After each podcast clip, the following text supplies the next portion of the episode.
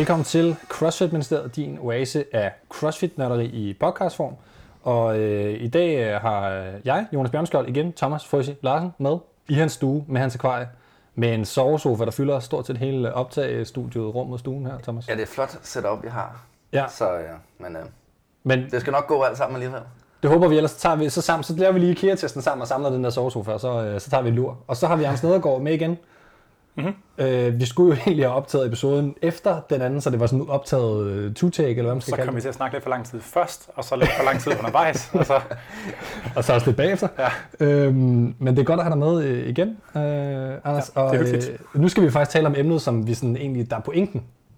Det er, hvordan træner man? Hvordan bør man træne? Ud fra, hvad vi lærte sidst, og det vi lærte sidst, hvis ikke man har hørt den, så hør den. Men det var ligesom det basale træningsfysiologi, som ligger til grund for, hvorfor at, at man skal man, øh, man skal træne på den her måde, eller hvorfor at øh, forskellige former for, hvad skal man sige, performancemæssige metrics i, i CrossFitter er vigtige, og hvad det ligger til grund for i forhold til for eksempel at sige anaerob øh, power eller lignende. Hvad er det? Hvis man ikke øh, lige ved det, eller der kommer nogle små øh, ting i løbet af den her episode, som bliver, som bliver droppet, så er det fordi, vi har allerede har været rundt om det i første episode, så er det ligesom grundlaget for, øh, for det, vi snakker om. Så vi sådan, laver ikke så meget forklammerrøv på, på enkelte elementer øh, den her gang, og den her gang bliver det også lidt mere, øh, lidt mere snak, lidt mindre sådan, øh, formidling i et vist omfang. Måske. Nu får vi se.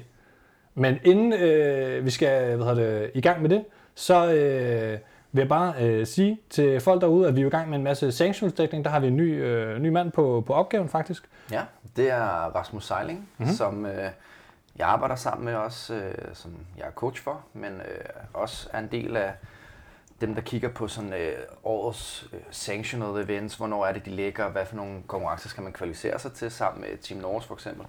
Så øh, han øh, er super nørdet om, omkring det, og hjælper så med at skrive nogle øh, opslag på sociale medier omkring, øh, hvem er danskerne, der kommer afsted, og hvem er de store internationale navne, som man så skal holde øje med. Så det er vi glade for, at han vil hjælpe til, fordi Mhm. mm-hmm. at, at det tager rigtig lang tid at lave de her opslag og finde øh, alle resultaterne, når de nu har, ja, når der nu har været konkurrencer. Mm. Så, så det har affødt, at Rasmus nu er med på vognen, og øh, hvad hedder det, vi hører meget gerne feedback øh, fra jer omkring det, så, øh, så Rasmus og vi, vi kan blive bedre til, hvordan vi skal dække de konkurrencer. Det er jo noget med, at øh, når der er været 26-27 i, i den her sæson, så er det altså ikke alle sammen, vi får dækket 100%, så vi fokuserer selvfølgelig primært på danskerne. Og i den forbindelse vil jeg bare lige, Eik, hvis du lytter med derude, så, øh, så undskyld for, at jeg ikke fik formidlet, øh, at vi har en dansk aftale med dig til Rasmus, da han dækkede, øh, øh, var Dubai oprindeligt, tror jeg, ikke? Ja, det er præcis. Ja, du er selvfølgelig også dansker i vores øjne, øh, Eik. Så øh, det skal bare lige være sagt. Anders, øh, det første, vi lige skal rundt om fra sidst, der er ikke noget, vi manglede at sige, eller som, som lige... snakkede vi om det med kettlebells og ildoptagelse, det gjorde vi, Ja, gjorde vi, ikke? det, gjorde, ja. ja, det var faktisk et eksempel på, at ildoptagelse ikke rigtig er det, som er den limiting factor, når du står og laver... Ja, fordi lige, lige præcis det her med, at altså selv hvis man laver burpees og power cleans, Mhm. eller sådan noget, som man virkelig vil få det skidt af, hvis du... Altså hvis det bare hedder 10 af hver så mange runder, som du kan på 10 minutter. Det er meget crossfit altså, normalt, ja. Præcis. så vil man, få det, man, kunne, man vil kunne få det helt utroligt skidt, ikke? Mhm. Mm-hmm. Øh, men det vil ikke være kondition, der er den begrænsende faktor. Og, og, det, og hvad kan man sige, jeg tror endda, at, at hvis man skulle regne ildoptagelsen ud for den type arbejde, så ville det være endnu lavere, end hvis man lavede kettlebell snatches. Mhm. Mm-hmm. Fordi der er endnu flere brud ligesom, i det. Og, øh, så, så, så, og så kan man sige, hvis man, må- hvis man er måske helt nede på noget, der svarer til 65-60 procent af ens VO2 max, så er, det, så er det faktisk ikke særlig meget kondition i virkeligheden. Ikke? Men det, det er aerobe, du taler om nu, ikke? Fordi det er vel, det er vel, det er jo stadigvæk, altså øh, short bouts of exercise, det er jo sådan anaerob et eller andet sted arbejde, stadigvæk. Ja, så, så, Som så, er begrænsningen... så, det kan godt, så det kan godt ligesom være noget anaerob, der er begrænsende, selvom formelt set den samlede mængde arbejde egentlig er lav nok til, at, at det, det, man kan sige, det burde være aerob. Det, så Ja. grunden til, at det bliver anaerob, det er fordi, at lige så snart man laver aktivitet, hvor der er mere eller mindre kontinuert spænding over musklerne, så bliver de ikke gennemblødt ordentligt, og så bliver de tvunget til at arbejde anaerob. Mm. Det var faktisk det, som vi taler om med Training Think Tank, som jeg nævnte sidst med det her MOXI-måling, at de arbejder ja. Ja. meget med det her med, at der ikke kommer nok gennemstrømning til enkelte muskler, og hvordan man, de arbejder så meget med en model, og hvis du har en tanke om det, så vil jeg gerne høre om det, for jeg synes, det er super spændende. Øh, det her med, at, at de simpelthen går ind og måler med sådan en, øh, sådan en infrarød ting, tror Ja, jeg. sådan noget, ja. Ja, men, men, men det de så snakker om, det er, at øh, en af grundene til, at store atleter, lad os nu sige for eksempel Thomas kontra mig, jeg er en dårlig atlet end Thomas, det tror jeg ikke, der er nogen tvivl om. Øh, ah, men det er der ikke, Thomas. Jeg tror, du snakker om det med at være stor. Så er du stor atlet, men taler vi om kropsstørrelse, eller... Ja, det snakker vi ikke lige mere om den her gang. Jeg har, jeg har sagt, at Thomas er den, den fitteste, tykkeste crossfitter i verden mange gange. Det, nu, er det, nu er det nævnt igen. Men at, øh, at Thomas generelt vil have en lavere øh, spænding i musklerne. Nu er det Training Think Tank, jeg, nu siger jeg bare, hvad, hvad, hvad det er, der er sådan teorier. At Thomas vil for eksempel under Fosters have en lavere, skulle kræve, at han bruger Relativt, relativt set færre. Ja, muskelspændinger, hvilket gør, at der er bedre blodgennemstrømning i hans muskulatur, imens han laver thrusters. Og det er en af de primære årsager til, som man så via moximåling måler sig frem til, at jeg vil have sådan en mere en blokade, altså mere en flaskehals i blodstilførselen til musklerne, i f.eks. benene, som bliver brugt meget thrusters. Ja. Giver det mening? Umiddelbart, nu tager jeg det på Umiddelbart, så vil, altså man, uh, øh, umiddelbart, nu kan jeg ikke huske tallene fuldstændig, men mm. jeg mener, at man plejer at sige, at der er total, altså der er totalt lukket, lige så snart man er over sådan noget 15-20% belastning. Ja, men det først er jo sådan en cyklisk bevægelse, hvor du så i toppen ja. tager to sekunders rest. Og så, jo, men, men, ja. men hvis man nu er stærkere, så kan man bremse bevægelsen, så kan man i virkeligheden slappe af en større... Så når, ja, man, det, når, man, det, når man yes. cykler bevægelsen, ikke? Yes. Altså, så vil man kunne bruge en mindre del af tiden på at spænding i musklerne. Okay, ja, så det giver men, faktisk mening i det. men, det, det, men det med at have en god cycling, ja. det vil, tænker jeg mere som et teknisk element. Altså det er noget, man kan lære sig at gøre Ja, pause i toppen. Og, og et element er jo også med at kunne trække vejret, mens man laver bevægelsen. Det ja. tror jeg også er rigtig meget at sige i forhold til, hvor meget ild man kan nå at få ind i altså kroppen for den sags skyld i løbet af en cycling på ja. 21 reps. Jamen, der er i hvert fald, altså det de så også taler om, det er, at, at nu er det meget specifikt for en thruster, men det er sådan en front squat, altså selve rack-positionen, er der nogen, der har sværere ved at holde, uden at, uden at holde øh, det, spænding. I, lad os nu sige, det er tunge thrusters. Ja, hvor mange kræfter man skal bruge på at holde den. Man, ja, ja, præcis. At, at, du så bruger færre kræfter på at holde den, men du netop også derved har lettere ved at trække vejret, som du siger. Mm. Altså, der er jo stor forskel på, hvis man står og laver en 20 i back squat for eksempel, så hvis man skal spænde helt vildt under hele reppen hver gang, frem for egentlig bare at kunne sådan, trække vejret stille og roligt og, sla, og slappe af, ja. Så, så er der stor forskel på, hvor, hvor, hvor øh, ild gælder nok lidt voldsomt, men altså, man, det, man bruger alligevel ret meget ild på at lave 20 back squats, der er ja. tunge. Men jeg tror grundlæggende, hvis man har mm-hmm. den mhm. samme cycling per, per rep, ja. så tror jeg ikke, det gør nogen forskel. Jeg okay. tror, men selvfølgelig så det, hvis du skal have en cycling, hvor du slapper af en større del af tiden i forhold til den tid, hvor du arbejder, det kræver selvfølgelig, at man er stærkere. Ja. Men hvis du har den samme... Sådan threshold strength niveau, hvis man har nok, hvis man er stærk nok, så burde der ikke være forskel på to atleter, der, der cykler, så længe de holder den, altså det samme tid, de Fordi det skal være, så, det, så den skal, man skal op på så lille en relativ belastning, for at der okay. er afklemt. Det vil jeg mene. Ja. Altså, men hvis man er stærk nok, så kan man tillade sig at have en anden cycling-dynamik per gentagelse. Ikke? Altså en hurtigere cycling, tænker du? Nå, men, men hvis man er stærkere, så kan ja. man tillade sig at bremse senere. Nå, på den måde? I, I en uh, ja. airball, eller hvad hedder det, wallball, for eksempel. Okay. Altså der kan man, hvis, hvis man hvis ikke er særlig stærk, så er man nødt til, så er man nødt til at bruge en større del af bevægelsen på at bremse. Hvis man er meget stærk, så kan man bare lade sig falde ned og så stoppe den, bum, og så, yes. og så bruger man måske kun, hvad ved jeg, 100 millisekunder på stansen i stedet for 200 millisekunder, og så har man mere tid, hvor der kan komme blod igennem musklerne. Okay. Hvis man snakker om konkurrenceroer, altså ja. bagudroer, øh, de tilstræber jo også, at man trækker næsten maksimalt på hver eneste tag, men at man, har, men, har, men man ikke trækker så hurtigt efter hinanden, ja, ja, ja, så, man, så man får den ratio mellem hvornår er der så meget tryk, i, faktisk både i torso og i musklerne, at der ikke kan komme blod og luft mm. gennem, og hvornår er der så lavt, at det godt kan komme igennem. Det er faktisk en super fed øh, ting, som jeg håber, at når vi når måske lidt dybere ind i øh, skills til CrossFit i nogle af de her episoder, nu ved jeg ikke, om vi når ind på det, men netop med roning, at der er mange, der ikke rigtig forstår teknikken i roning, som er det her med, altså, ved det, hvor mange, øh, hvilken stroke rate man arbejder med ja. i forhold til, hvor mange watt man laver, at, at der er mange, der ligesom generelt er det sådan, hvis man skal blive god til at ro, så skal man lære at ro hurtigt, både med lav og høj stroke rate, ja. frem for at man sætter sin stroke rate op for at ro hurtigere, for det er ja. meningen, man skal kunne skifte, hvor meget tryk man trykker med benene. Det er primært benene, man skal trykke med, det er så også noget, det folk skal starte med at lære, kan man sige. Men at man ligesom har stroke rate og en force, man ligesom kan ændre på i, ja. i det der. Så, så, men, men jeg tænker, det er den samme dynamik, der er ja. på spil i virkeligheden. Okay. Så i virkeligheden ens cycle rate og ens, hvor meget som, hvad skal man sige, kraft man får brugt, kan man i en første, hvor man også kunne trykke på forskellige. Ja. ja. Okay. Har du, nej, så, så tænker jeg bare, at vi, vi, vi kører videre til... Så, så, så grunden til, at man vil få det rigtig dårligt af, den der, af det der burpees power clean, så, ja. det er jo, at man får en, altså, man har kompromitteret, altså, så der, udover det der med afklemning af musklerne, så er der også en afklemning af vejrtrækningen og hjertet, ikke? Øh, sådan så, at, at når, lige så snart der er tryk i torso, øh, så bliver det venøse tilbageløb til hjertet hæmmet, og så, kan, og så skal hjertet arbejde meget hårdere for at vedligeholde ens cardiac output. Ikke? Så, ud, så, så der er en dynamik med, at musklerne er afklemt, men der er også en dynamik med, hvis der er tryk i torso. Så hvis du for eksempel har stået med og ragger en stang, øh, at så bliver det venøse tilbageløb hæmmet, ikke? og det bliver sværere at trække vejret. Så det er, så det er både, hvad kan man sige, det er både periferien, at den der konstant, at, at konstant spænding, den gør, at arbejdet bliver anaerobt. Men det er sådan set også på, det, det kan også være på hele kropsniveau, hvis du har det der tryk på torso. Ja, der kan sådan nogle øvelser som for eksempel fr- front squat versus overhead squat, der kan det næsten være nogle gange nemmere at lave overhead squat, fordi du ikke har det der tryk ja, ja. øh, på halsen. Ikke? Ja. Det er jo, øh, det du siger, er grundlæggende lidt, at CrossFit er lidt ligesom stopdans for kredsløbet. Altså, at man, øh, Ja, træk, ja, man kan ja. trække vejret, og sværdet, øh, hjertet kan slå, og så stopper man med det. Ja. Så det er meget det der intervallarbejde, som, som I så i hold CrossFit, som jeg har talt om flere gange, så er endnu mere udtryk, fordi det er virkelig, altså reelt 100% pause og 100% arbejde, Ja. øh, hvor man får lov til det, fordi der er en anden atlet, der bliver skiftet ind, for eksempel. Så får, man jo, så får man jo mælkesyre i kredsløbet. Ikke? Det er jo grundvilkår. Og der er det her problem med, at der strømmer kalium ud omkring musklerne. Og nogle af de tilpasninger, som der måske er lidt mere... Altså, hvad kan man sige, det man, man, når man får en ildgæld, det man betaler ildgælden med, det er jo, altså, hvad man kan sige, hvor, hvor et CrossFit altid vil ligge og svinge mellem med, med anaerob power og anaerob kapacitet. Ikke? Det, man betaler ildgælden med, det er jo altid en aerob power. Det, det er ligesom, det, det kan ikke være andet, mm. måske endda altså længere nede, ikke? Et, et underordnet energisystem.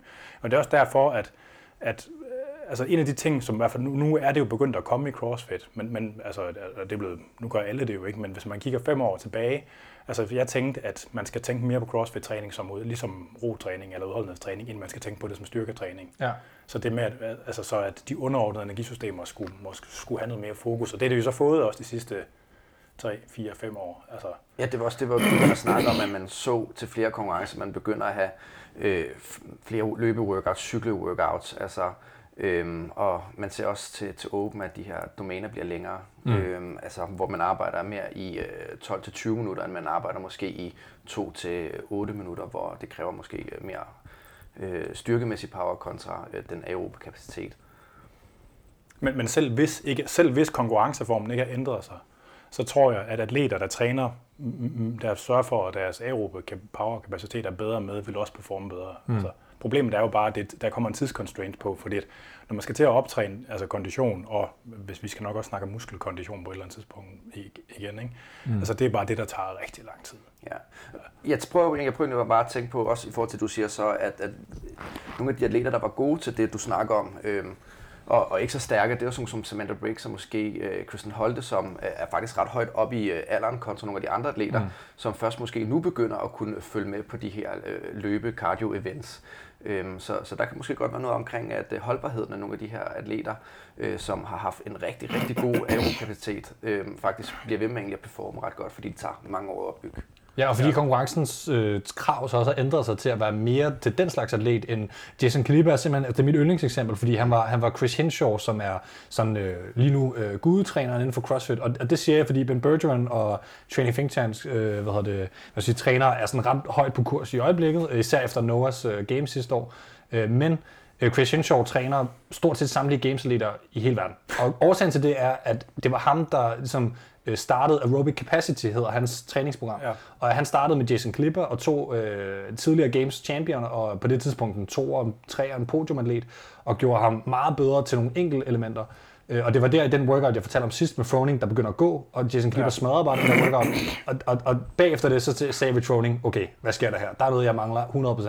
Og alle de andre atleter så den her kæmpe store, kødfuld atlet, som bare kunne smadre workouts uden teknik, og øh, det fik han, han fik teknik. Men i starten, i de første par games, der, der smadrede han nogle workouts, hvor han snatchede så grimt, som det overhovedet kan lade sig gøre, men vandt, fordi han bare var så stor. Han blev lige pludselig, jo jo præcis, men han blev lige pludselig et øh, aerobisk powerhouse, fordi han trænede på den her måde af Chris Hinshaw, som er meget triathlon-inspireret godt nok, men, men på en anden måde end Burton Bergeron, som også kommer fra en triathlon-verden. Ja. Chris Hinshaw er så fra en Men det, meget men det er jo ret sjovt, det der, ikke? Ja, ja. Ja. Altså, at det ender med at være sådan nogle, i virkeligheden sådan nogle triathlon-trænere, ikke? Der, Jeg har faktisk et spørgsmål, jeg gerne vil stille. Jeg ved ikke, øh, om, om det man kan besvare det 100%, men hvis vi så har to atleter, der starter til CrossFit. Den ene, det er en, øh, en vægtløfter, der vejer 70 kilo. Til gengæld kan øh, snatche, lad os sige... øh, en af naturlig forudsætning for vægtløftning. Ja, det er så det, der er hele spørgsmålet. øh, men, men lad os sige, at det, i hvert fald en vægtløfter, der er sådan relativt stærk, 70 kilo, kan snatch øh, 140 kilo lidt, eller Tim Kring. Ja. Øhm, og du så har en triatlet, som så er rigtig dygtig triatlet og kan løbe en 5 km på eksempelvis øh, 16 minutter. Så spørgsmålet er sådan lidt, øh, hvem af de to tror du, der vil have nemmest ved at blive gode til CrossFit? Og det er jo et meget stort spørgsmål, jeg ved det godt. Ja. Øh, nu er der jo sådan, altså hvis, at, at det er en vigtig del af det, om de er selekteret. Altså er det, en, der, er det nogen, der vil være talenter inden for deres Ja, respektive sige sportsgren? disponeret i forhold til den øh, muskelsammensætning, de har eksempelvis. Ja, fordi man kan sige, triatleter, de er jo ikke selekteret til at være lige så små som maratonløbere og cykelrytter er. Mm. Det duer ikke, de er helt så små, fordi så kan man ikke holde. Øh, og jeg tror heller ikke, de er selekteret til at være helt lige så langsomme i deres muskulatur nødvendigvis. Men jeg, det er jeg ikke helt sikker på. Jeg tror faktisk, at det er triatleten, der vil klare sig bedst. Hvis man skulle hive dem gennem 10 mm. nogenlunde repræsentative workouts. Altså, Ja, eller lade dem træne øh, CrossFit i tre år. Altså, og, og, og så hive dem igennem. Altså, men, men der selvfølgelig være nogen, hvad kan man sige, det der snatch et max, ikke, det, kommer, mm. det, det bliver nok svært. Vi har jo set, altså, vi har jo set det på gamescenen, hvor at man kan sige, desværre, at Matt Fraser måske lidt modbeviser din hypotese, men det er jo også lidt, der er jo mange tilfælde i, hvordan det lige går til games. Men, ja. men, men øh, man kan sige, der, jeg ved ikke, om der nogensinde har været nogle sådan rigtig dygtige triatleter, der er gået til CrossFit. Altså Christian Holle har lidt en baggrund inden for endurance, men det er jo ikke sådan en Problemet er nok, de er for høje i virkeligheden, mange af dem også. Ja, ja. Det, var, og det var også det, der skal til sådan et spørgsmål her. Og der er jo en selektion for, undskyld, undskyld ja, der er også en selektion i triathlon for lange ekstremiteter. Mm. Ja, på grund af løb primært. Og svømning også. Nå, okay, ja, fair det var faktisk ikke klar. Altså, og lange, ja, okay, lange arme og lange jo, ben, det er, bare ikke, yes. det er ikke sådan helt vildt godt. Nej, til CrossFit. Fordi man er nødt til at tage forbehold. Ja, hvad, hvor høje er de? Ja. Hvor, hvor meget øh, vejer de til at starte med, for eksempel, og sådan ting. Øh. Så, så det, er, det er en svær diskussion, men det er lidt det her med, øh, hvad, hvad for nogle... Øh, hvad, hvad er bedst at have som baggrund? Er det at være triatlet, eller er det at være vægtløfter, eller er det at mm. være fodboldspiller, eller whatsoever? Ikke? Altså. Ja. Men nu er de jo også begyndt at sige, at det handler ikke om at finde den stærkeste crossfitter, det handler om at finde den bedste crossfitter, som også er stærk. Præcis. Og det er jo... Øh, det sagde altså, Dave Castro faktisk under 24, lige præcis det, du siger her. Ja, det, ja, det, synes jeg er dybt forfærdeligt, altså whatever. Det, Jamen, det, det, vil, vil jeg altså både til at være enig men bare, ja. hvis man har de der super hurtige muskler, ikke, de vil være, de vil producere, de vil altid producere mere laktat og altså alt det der. Ikke? Og det vil, jeg tror, at folk de bliver knippet mere på deres udholdenhed, mm. hvis man har de der super eksplosive muskler. Det, det er faktisk også en af de ting, som, som Training Think Tank, øh, hvad det, altså, som igen, altså de producerer noget af det bedste sådan videokontent til, hvis man skal forstå, øh, hvad det, CrossFit, ja. sådan SPP-mæssigt, kan man sige, altså sportsspecifik træning, eller uh, specific physical preparedness, som vi kalder det i, i den her kontekst. Det, det, de taler netop om, at de faktisk har nogle atleter i standen, som simpelthen er for eksplosive. Og ja. derved så kommer de simpelthen til at producere for meget kraft, og kommer til at brænde sig selv ud i nogle af de her workouts. Ja, jeg tror, hvis man kigger på de gode crossfitter, ja. så tror jeg, altså jeg tror faktisk ikke, at de er sådan super eksplosive. Nej, men det, det, det er ja. det, der er pointen, at de har nogle, uh, Mike McGoldrick er faktisk et rigtig godt eksempel, nok ikke lige en, du kender, ret gammel regionals atlet og games atlet for, for sådan 2014-2015 dagene, men han er en af trænerne i TTT nu og på deres hold til games uh, for et par år siden, uh, og han, uh, han er netop sådan en, der er super eksplosiv, og han, han, han, ligesom, han kan ikke holde sig selv igen, virker det som om. Jeg ved ikke lige, hvordan man skulle sådan kompensere for at være for, eksplosiv. Det lyder sådan... Men det er måske, det, det er måske noget med hjernen også på en eller anden måde, at han ikke uh, kan pace, eller hvad? Ja, men nej, det, det, han er så erfaren nu, så det tror jeg ikke, men jeg ved ikke, altså han brænder sig selv ud for hurtigt på, for, uh, på per rep. Jeg tror lidt, jeg har ikke helt forstået, sådan, hvordan man skal forstå det. Nej. Det lyder på forklaringen som om, at den, den, den måde, jeg tager videre det på, at han simpelthen per rep ligesom får brugt for mange kræfter og får lavet en for hurtig kontraktion af musklerne i den samme bevægelse. Vil ja. jeg ikke helt forstå, hvordan det hænger sammen. Men i hvert fald får lavet mere laktat, ikke? Det gør han hvis, hvis, hvis, hvis du har meget hurtigere muskler, så vil du komme til at lave mere laktat. Ja, altså man kan ikke stoppe musklerne fra at kontraktere hurtigt, selvom man prøver, kan man sige. Jo, det vil jeg nok mene, man kunne. Okay. Men man vil, man vil komme til at arbejde mere anaerobt. Altså, om, altså, og man ved også, altså, at folk, der har, et meget, har meget hurtige muskler, har et lavere relativ muskeludholdenhed. Ikke? Så hvis man sætter folk, man kan faktisk bruge det der med at sidde og lave øh, leg extension i sådan en øh, bensparkmaskine med to forskellige intensiteter. Det er det med ens knæ dør, ikke? Det, det siger folk. Det ved jeg ikke. Om, Nå, man, det kan man faktisk bruge som sådan et nogenlunde surrogatmål for øh, fibertype sammensætning. Hvis det er folk, der ikke er trænet, for, altså det gør det så lidt bøvlet at bruge. Ikke? Men, så, der er, så der er i hvert fald i, i utrænet en sammenhæng imellem, altså forskel mellem maksstyrke og udholdenhed ved et eller andet 70 procent eller sådan et eller andet. Ikke? Og så fibertype sammensætning. Så, det, så hvis man ser, hvor mange reps man kan tage i sin maskine, så ja. finder man ud af, hvad for en I forhold, I forhold til noget tungt. Jeg kan ikke huske, om det er... Altså jeg tror, man det er i forhold til en til max. Okay. Så man, man går lige ned og måler sin lille optagelse, og så går man lige over og tager, tager benspark. Ja. Så kan man få skide godt. Nå, men de fleste folk, de ved jo grundlæggende godt, om de er til den hurtige eller langsomme side. Jo. Altså, og det er også lidt det, at altså sådan, oh, men kan man ikke få taget en muskelbiopsi? Sådan, man ved det jo godt. Var du den, der løb hurtigst i folkeskolen, eller var du den, der løb hurtigst i folkeskolen? Nej, altså det er bare, ja. altså før, før, før der er indtrådt væsentlige træningseffekter. Ikke? Hvad så, hvis man er midt imellem? Så er det svært at vide. Men så tror jeg faktisk, det er meget godt til CrossFit. Ja. Det tror jeg virkelig. Jeg tror, sgu, jeg tror altså, så hvis man ikke er særlig stærk, og man heller ikke er særlig hurtig, så er man god til CrossFit. Jo, men det, det der kan være fordelen ved dem, der har de langsomme muskler, det, altså ulempen ved de store muskler, hvis man har meget hurtige muskelfiber, det er også dem, der vokser mest. Og det vil gøre, at det vil, hvis du har, hvis du har altså type, type 2, de hurtige muskelfiber, det er dem, der kan vokse mest. Og det gør også, at dem, der relativt set vil have det mindste kapillærantal, så man har en dårligere gennemblødning.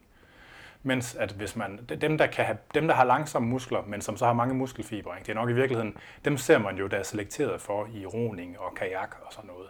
Der er, der er en selektion for folk, der har mange muskelfibre og, og til den langsomme side. Ikke? Og det gør, at de har i virkeligheden ikke særlig store muskelfibre, og det gør, at der er plads til utrolig mange kapillærer også. Så de er gode til at få gennemblødt musklerne mm. under arbejde. Ja. Og det, det kan godt få, jeg kunne sagtens forestille mig, at det er en fenotype, som, det er den, eller det er den fenotype, der vil være mest velegnet til CrossFit. Det kan være, at CrossFit engang bliver så stort, at folk gider at lave studier om den slags. Ja, men ja, jeg, jeg ved ikke, om der findes noget lige specifikt på det der. Jeg tror, jeg har fået tre studier om CrossFit, som ikke handler om skader. Ja. Men en af dem er faktisk en samling. Det er meget interessant, den der historie, der kører med... Ja, ja, det, NC, NC, det vil jeg faktisk gerne spørge dig til, men lad os se, om vi når det i dag, eller så må det blive ja. uden for mikrofonen. Jeg kan også bare tænke mig lige for at runde af, ja. bare lige for at få sådan en helt øh, simpel forståelse for det. Kan man så ændre på den her muskelsammensætning, eller, eller er det bare sådan, at man er født med den? Øh, altså roeren, der er predicted til at være god til ro, er bare heldig, kan man sige. Altså det man kan gøre, det er, man kan godt påvirke fibertype sammensætning, men det er nogle, hvad skal vi kalde det, ufysiologiske stimuli, der skal til. Så hvis du for eksempel har kronisk uh, lavfrekvent elektrisk stimulation af musklerne, altså som i døgnet rundt flere måneder i træk, så kan man godt gøre nogle af de hurtige, langsomme, hurtige muskelfiber bliver til langsomme. Det vil sige, det er vores øh, powerdot eller complex, vi skal have gang i der? Uh, ja, men, ja, men ja, jeg ved faktisk ikke, om det er nok altså i virkeligheden. Og, altså, men det, man skal gøre det konstant og i meget, meget lang tid, uden andet stimulus. Og når du fjerner det, så vil de sandsynligvis vende tilbage igen. Mm. Den anden ting, det er total immobilisering. Det vil gøre, så gør selvfølgelig, at dine muskelfiber de bliver mindre, men det vil gøre, at nogle af de langsomme de bliver til hurtige. Og hvis man så bliver mobiliseret igen, så vil det sandsynligvis også vende tilbage. Okay. Så, så, men men det, det, man kan gøre til gengæld, det er jo, at man kan, man kan godt have muskelfibertype specifikke til uh, træningstilpasninger. Så hvis man laver øh, okklusionstræning, eller man laver sådan noget øh, lavintenst, helt hjernedødt brænder træning, ikke? det har faktisk en grad af type 1-specificitet. Så det gør, at type 1-fiberne specifikt vil hypertrofere i forhold til type 2'erne. Ikke? Og det gør jo, at den del af musklen, der er udgjort af hurtigt i forhold til langsomt, vil ændres. Tilsvarende i den anden ende af spektret, hvis man laver super maksimal ekscentrisk styrketræning. Det kan man der, og sandsynligvis også plyometrisk. Det er bare sådan lidt sværere at styre i sådan en formaliseret træningssammenhæng. Men super maksimal ekscentrisk styrketræning, det har en specifik effekt på type 2 muskelfiber. Okay. Og der, man sige, der er man jo inden for rammerne af et, af fysiologiske stimuli. Altså. Ja, så, så man har en vis øh, disponering i forhold til øh, den, øh, ja, hvordan man er født rent genetisk, ja. men man kan godt lave nogle øh, tilpasninger i sin træning, der kan fordre en til at blive bedre til CrossFit. 100. Altså, og, mm. altså, og graden af adaptabilitet er jo, eller sådan muligheden for tilpasning er jo enorm. Mm. Altså i virkeligheden. En, en ting, som, som vi nok øh, ikke, skal, ikke skal meget dybt ned i, men det er, øh, hvis man kigger på, hvordan at man kan predikte folks, hvad skal man sige, øh, performance på meget højt niveau inden for sportsgren, som er meget formaliseret. Og der er CrossFit jo så ikke en af dem endnu, kan man sige. Det, sådan det, atletik eller... Ja, for eksempel. Så, så kan du egentlig kigge på, og grundlæggende så kan du predikte ud fra gensammensætning i relativt høj grad, hvordan de vil ende med, altså fenotypen, hvordan den ender. Hvis du tager et stort nok sample, nu, du, du ser lidt skeptisk ud. Nu kan du lige være meget uenig, så hvis du har lyst til det. Men, men hvad det? Jamen, der er forskel på sensitiviteten og specificiteten i det. det, altså det er, men, men fortsæt. Ja, at det vil sige, at hvis du har, altså grundlæggende, hvis du har et stort nok program, hvis du tager Kina for eksempel, som er villig til med staten måske at bare finde så mange mennesker som muligt, putte den igennem vægtløftning og finde den, den rigtige, så kan du i virkeligheden, hvad skal man sige, finde, øh, altså hvis talent pool er, er stor nok, bred nok, så kan du ende med at finde den, der er disponeret bedst muligt, og det er ligesom det, der er vigtigst.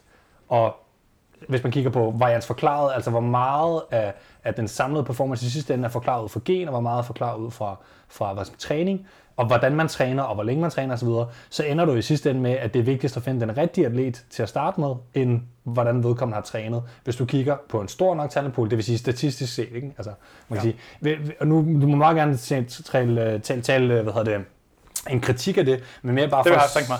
Ja, men det er super. Men, men, men hvordan vil du, øh, hvordan vil du ligesom, altså i CrossFit er pointen bare, tænker jeg, at det er så lille en talentpool, man stadigvæk picker fra, at generne og ens genetiske potentiale er alligevel ikke det, der kommer til at udgøre vildt meget, hvem der vinder i sidste ende, for det er mere øh, træningsdelen, fordi det ikke er det er ikke en stor nok talentpool, og det er ikke hvad skal man sige, en sportsgren, hvor man i høj nok grad har fundet ud af, hvad er den rigtige træning, og alle træner på samme måde, osv. Giver det mening som, som samme ja, spørgsmål? Ja, det, det, gør det. det, gør det. Ja. Altså, så, hvis man lige zoomer lidt tilbage, så er der jo to måder at måle det der med på. Mm-hmm. Så den ene ting, det er jo at måle den her størrelse, man kalder arvelighed. Og det gør man jo i tvillingestudier, ikke? Mm. Hvor, man kigger, hvor man kigger på folk, der har forskellige grader af genetisk overlap. Altså er det, er det søskende, er det enæggede tvillinger, fleræggede tvillinger, øh, tvillinger, der er separeret ved fødsel. Og så, der, så kan man ligesom attribuere forskellige grader af, af forskel mellem dem til forskellige faktorer. Mm. Ikke? Altså delt, delt miljø, øh, delt ar, altså sådan noget. Ikke? Øh, og der viser det sig, altså meget interessant i øvrigt, at den gennemsnitlige arvelighed af alt, altså selv politisk observans er arvelig, kropshøjde er arvelig. Mm-hmm. Altså, så hvis, hvis man kigger på den gennemsnitlige arvelighed af, kvanti- af mål, man kan gøre kvantitativt på en eller anden måde, så er den cirka 50 procent. Ja. Inden, inden for både psykologi for eksempel, og inden for... for ja, ja, også sådan noget, ja, du ved, sådan noget Big Five personality traits, yes. og hele, altså gennemsnittet er cirka 50, hvilket er utroligt interessant. Altså, ja, ja, det, det, kan næsten ikke være, jo selvfølgelig er det tilfældigt, men, altså sådan, men det er bare, det, det er, det er næsten for godt til at...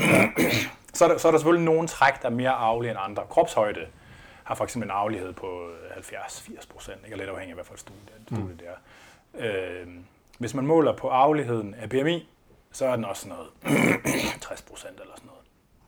Så det du siger, det er, når jeg har en øh, kraftig overvægtig mor, så er der også relativt stor sandsynlighed for, at det sker for mig. Ja.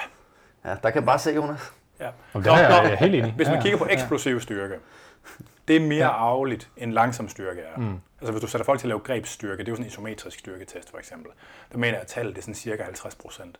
Hvis du sætter folk til at måle, hvis du kigger på afligheden af eksplosiv styrke, sådan noget springekraft eller sådan, sådan noget, ikke? så er man over op i noget, sådan noget 70, 70-ish procent igen. Noget, der er næsten lige så arveligt som kropshøjde. Øhm, så, så det er, og jeg mener også, at VO2 max, utrænet VO2 max, det er også noget 50-60 procent mm-hmm. arveligt. Ud fra tvillingestudierne. Den anden måde, det er så at kigge på de konkrete, altså, så der, det, det, der hedder, altså det, der hedder øh, det er ikke genome-wide analysis, GWAS, eller er det det? Fuck det. Men der kan man kigge på en population, øh, og så kan man kigge på, en, altså så, så de fleste af de genotyper, som man ved sådan noget om, det er jo det, der kaldes SNPs. Mm. Hvor Hvis jeg lige hurtigt forklare lytterne genotyper og genotyper osv., vil du hurtigt... Øh... Undskyld, jeg har mange tusser igen. Ja. øh, det er, altså en SNP, det står for en single nucleotide polymorphism. Så det er et sted, hvor der er øh, en, en variant af et gen, hvor der er en enkelt af de her DNA-baser, der er blevet til en anden. Øh, og det giver ophav til, at der i populationen findes to forskellige slags. Mm. Øh, og for det meste, de fleste snips, det giver... Øh, nogle gange så gør snippen ingenting. Så, så det protein, som, der, som genet koder for, der sidder der sådan samme aminosyre simpelthen, og det, altså på det sted, som den koder for. Nogle gange gør det så, at der bliver sat en anden aminosyre ind mm. i det protein, som genet koder for, og det kan så, det kan så påvirke proteinets funktion. Og i nogle ret sjældne tilfælde, der kan det sætte stopkoderen ind, så, når man, så, så det betyder, at proteinet det ligesom kommer til at få en anden længde. Øh, så, og, og, så findes også større mutationer, men dem man ligesom har undersøgt mest, fordi det er er de her SNPs. Og der, altså, så i alle gener, vi kender, der er hundredvis af de her SNPs. Ikke? Altså steder, hvor vi ved, at der er en eller anden form for variation i en befolkning. Dem er, dem er der sygt mange af, men de ligger, altså, på NIH, altså den amerikanske sundhedsstyrelse, de har jo sådan en kæmpe database, der er offentligt tilgængelig, hvor man kan se alt det der. Det er sådan helt gakket. Når man så skal kigge på de snips, man ved, der har en relation til præstationsevne, så en af dem, altså specielt den, der er knyttet til sprint præstationsevne, det er jo i det gen, der hedder actinin, og der kan det sådan en RX øh, gen, øh, altså enten så fører den til, at der sidder en arginin på det her sted, eller også fører det til en trunkering. Altså det er et af de tilfælde, hvor den gør, at proteinet ikke bliver bygget færdigt. Øh, og dem, der så har den, nu kan jeg, jeg kan aldrig huske, hvad for en af dem, der er god, og for en, der er dårlig. Øh, jeg, har, jeg har sådan noget binært konfus. Det er ligesom højre og venstre ting, man der. Ja. Øh, og der kan man se, hvis du kigger på 100 meter feltet til øh, OL, så har de alle sammen en gode. Så, så, så hvis ikke man har den rigtige version af det, så er det ekstremt svært at få de der virkelig, virkelig, virkelig hurtige muskler. Altså det er simpelthen et grundvilkår. Men problemet er, hvis du kigger, hvis du kigger på befolkningen som sådan, jeg tror nok, det er 30 Altså i Kaukasien tror jeg nok, det er 30 procent, der har den gode variant. Og øh, Caucasia, hvad betyder det helt? Folk, der er sådan nogle... Øh, sådan nogle White faces. White faces, lige præcis. Ja. Jeg skulle lige... Jeg skulle, man kunne have sagt frygtelig mange forkerte ting der. Ja, lad os bare, lad os bare holde det. Sådan nogle white supremacists, som også... Bare kartofler. Ja, ja, kartofler, ja. Det, det, det er jo en, en berømt, sådan, hvad så, etymologisk forkert måde at betegne det på, men det er en ret lang diskussion, ja, ja. det som vi kan på. Ja. Ja. Øhm, så så det, det kan godt være, at den er sensitiv på eliteatleter, men den er ikke specifik. Fordi at der, hvis du kigger på fordelingen i befolkningen, så gør den i virkeligheden ikke en særlig stor forskel. Mm. Så, så vender, hvis vi vender tilbage til det der med, at eksplosiv styrke, lad os bare sige, at 100 meter løb, det er en, altså det er et, et, et, et perfekt, at det kun er dikteret eksplosiv styrke. Ikke? Spørgsmålet er så, de her 70 procent af det, der er arveligt, og som sidder i vores gener på en eller anden måde. Hvor stor en del af de 70% sidder i det actinin-gen. Mm. Og det er nok kun 5% eller 3% eller sådan noget. Så den samlede varians i præstationsevnen, der skyldes genetik, der kan vi kun forklare en meget, meget lille del af det. Øh, men, men, men bare, det, at den, bare det, at det måske udgør 5 eller 10 af de 70 procent, det er jo nok til, at det vil være så stor en faktor, at det er nødvendigt at have den variant for, at det slår igennem. På, på top elite niveau. På top elite niveau. Ikke? Ja. Fordi det, diskriminanterne bliver jo mere og mere manifesterer sig tydeligere og tydeligere, jo hårdere selektionsræset er. Ikke? Ja, altså fordi 1% performance-forskel på top niveau, det er forskellen på første og ja. 5. 10. plads måske. Og det er derfor, man ikke kan screen efter det gen. Ja. Fordi du ved ikke, altså i virkeligheden, det er jo nok en, altså, man, der er lavet sådan et, et ret kendt arvelighedsstudie, der hedder Heritage, hvor man, har, hvor man har, jeg tror det var noget med 700 mennesker, der var mm. i familie med hinanden på alle mulige måder. Man satte dem til at lave kredsløbstræning, øh, og så man målt af stigning i VO2 max, og det er sådan en af de bedst dokumenterede sådan, studier på større skala, hvor man kan kigge på det her. Og der så man sådan, at den her kurve, der var for ændringen i VO2 max, der var sådan en fin sigmoid, altså sådan en bølge, der starter ved 0, og så bølger den op til det der, nej, den starter faktisk, i virkeligheden bunden af den var faktisk under 0. Altså der var omkring 5%, der enten havde en uændret eller fik dårligere ildoptagelse, selvom det efter trænede. Ikke? Efter okay. trænet, ikke? Øh, og så var, der, så var der sådan en kontinuum, ikke? og så var der selvfølgelig nogen, hvor, der, hvor, det, hvor det var helt vildt. Øh, og det, det, det, er den façon af kurve, man vil forvente ved en polygen egenskab. Så lige så snart, lige så snart en egenskab den er afhængig af mere end 4-5 genetiske træk, så vil den have den der kurve. Ikke? Og jo flere træk den er afhængig af, jo mere udtalt vil den være. Og man kan sige, hvis man skal kigge på sådan noget som eksplosiv, altså i deres tilfælde, så er det vildoptagelse. Og der er jo enormt mange systemer, der kan i princippet påvirke, hvordan ildoptagelsen virker. Hvis man så kigger på eksplosiv styrke, så kommer der til at være noget, hvor høj er du, hvordan er ens kropssegmentlængder, hvordan, altså der kommer til at være alt muligt andet på spil. Hvordan fungerer ens scener? Der er sygt mm. mange polymorfismer i, i scenerne. Ikke? så, så, så selvom man har selvom man så skulle have den der aktinin genotype, der vender rigtigt, så kan du ikke vide, hvordan alle de andre gener vender. Og der er måske 100 andre, der er måske 1000 andre. Ikke? Men, men det er jo også på niveauet, hvor man skal vide, hvad det enkelte gen er. Man kan sige, det, det, som, det, som jeg tænker er, at hvis du tager helheden af mennesket, og ligesom ser, hvordan de, de performer, og har du kan ikke måle det nødvendigvis. Men nu taler vi om grundlæggende, er det arv eller miljø, der gør, hvor god du bliver, så er pointen et eller andet sted bare, at, at det er vigtigt at være født med de rigtige forældre. Hvis du altså, skal være eksplosiv, en eksplosiv sport. Jo, men også hvis du vil være verdensstjerne i en sport, så er det generelt vigtigt at være født med de rigtige forældre. Altså ligesom at, at øh, IQ og mange andre ting også er relativt arvelige, kan man sige. At, at det betyder bare meget, hvem man, hvem man er blevet født af. Men det kan man ikke ændre på. Så nu er det jo træning, og hvordan man skal træne. Det er bare faktorer. Men, men jeg vil gerne ja. lige, altså, bare lige for at afslutte det. Ja. Det er en ret lille del af, af det, det samlede arvelighedsbidrag til ens præstationsevne, man kan forklare med genetisk test. Så det der med at skulle lave en screening baseret på mm. baggrund af en, af en gentest, det er stadigvæk utrolig svært. Nej, men den kinesiske metode med bare at putte så mange igennem the grinder, og så finde de bedste, er måske også... Nå, man kan måske lave en springtest, det ved jeg, de har brugt. Altså når man skal finde vægtløft, ja. kigge med folk, der er gode til at hoppe. Altså fordi det, det integrerer ja. måske både noget med segmentlængder og kropsstørrelse og sans for motorik og sådan noget. Ikke? Kan du lige fortælle alle crossfitterne derude, at det ikke er ved at lave boxjumps, man tester sin, uh, sin springhøjde? Og er du med på, hvorfor jeg siger det? Øh, øh, ja, ja. Fordi så altså, tester du mobilitet i, hvor langt du kan få ja, benene ja, op under ja, mere ja, end... Øh... Ja, altså normalt, så, altså, det undrer mig virkelig, at man ikke bruger Vertex eller sådan noget. Kender ja. dem? Altså, ja, fra NFL og sådan ting, hvor de... Altså de dem, hvor du hopper op og så slår Så er der sådan nogle blade, man slår yes. Altså, de, yes. har dem, de har dem i repeat. Ja. Øh, altså, men, de bruger dem til NFL Combine, som er der, hvor det amerikanske hvad skal man sige, strength and conditioning coach kender systemet fra. I ja. amerikanske CrossFit-bokse har jeg set dem brugt, men det er ja. fordi, vi ikke har den der sådan, uh, strength and conditioning ting i ja. Danmark, tror altså, jeg. Men, men formelt set, så kan man sige, så skal man jo tage et afsæt, og så skal man lande med strakte ben, fordi man skal måle højde for skydelsen. Ikke? Yes. Og, øh, og det gør man ikke, når man trækker mm. benene op. Nej, ja, og igen, fordi altså, forskellen i, hvor højt folk kan springe på en boks, og så kommer folk til skade af det. ja, men mindre det er skumbokse. Ja, og dem kører man bare ikke i Danmark åbenbart. Danske bokser ikke, kører ikke de der skumbokser. Det er, er fordi, de er tre gange eller fire gange dyrere. Øh, Bloody shit og die. Simpelthen. Der er de danske bokser simpelthen for cheap, og det er slet ikke en, en sviner til nogen derude. Nej. Jeg forstår det godt. Jeg har selv, øh, jeg overvejer selv til mit home gym at købe en, men så tænker jeg, det er dyr. Ja, men jeg kan også godt vide, hvor mange der får rygskader på grund af det. Fordi de falder bagover? Om, om det der med, at man, ligesom, man forcerer hoften, man, man hammer hoften sammen på den der måde. Nå, ikke? Ja. Og ofte så gør man det samtidig med, at man har lige squattet eller dødløftet, eller lavet et eller andet tilsvarende. Ikke? Ja, Thomas og jeg lavede det faktisk for, for halvanden måned siden. Så jeg, jeg er bedre til det. er faktisk lige der slog jeg faktisk Thomas, det vil jeg bare gerne sige. Jeg er umådeligt dårlig til at springe højt. Ja. Og det er faktisk god til. Så, så det, det, det, undrer mig egentlig, at det overhovedet er blevet en ting. Uh, but, nej, det kan jeg godt. Har, har du set ham der NFL-gutten der? der, der han, det var faktisk en, der har øh, netop blevet draftet i Combine, som blev berømt på Instagram. Nå, men det er blevet en ting i CrossFit. Altså lave mange bokser. Jo, jo, jo, men han postede det på Instagram, Anders. Det var ja. det, der var min pointe. Nå, ah, ja. han, po- han, og bagefter blev han berømt. Ja. Han fik jo uh, sponsorater, fordi han postede det der. Ja. Han var ikke en vildt god spiller. Jeg kan ikke engang huske, hvem det er, men jeg har, jeg har fået historien en gang faktisk på en anden uh, CrossFit podcast internationalt, som netop gengik sådan hele, uh, ja. hvordan det udviklede sig, det der. Ja, men, men altså, hvis folk, altså, jeg, jeg synes også, de der, de, der, de der med at hoppe op på ting, sådan box jump ting, jeg synes også, det er forfærdeligt. Men det er umiddelbart lidt funktionelt at kunne hoppe op på ting et eller andet sted. Jo, jo, jo, men, men, men, Det er meget men, men, men folk forstår ikke, hvad det betyder.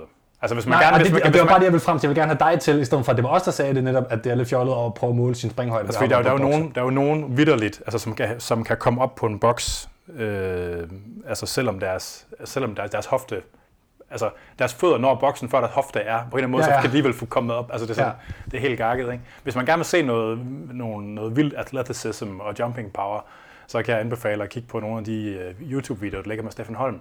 Steffen Holm. Stefan, jeg kan ikke huske, med Steffen ja, eller Stefan, sådan en svensk svenske, ja. som jo var ikke særlig høj. Jeg tror, han var 1,80. Han er en af de få mennesker i verden, der har sprunget. Jeg tror, der er sådan 5-6 mennesker, der har sprunget over 50 cm over deres egen kropshøjde i højdespring.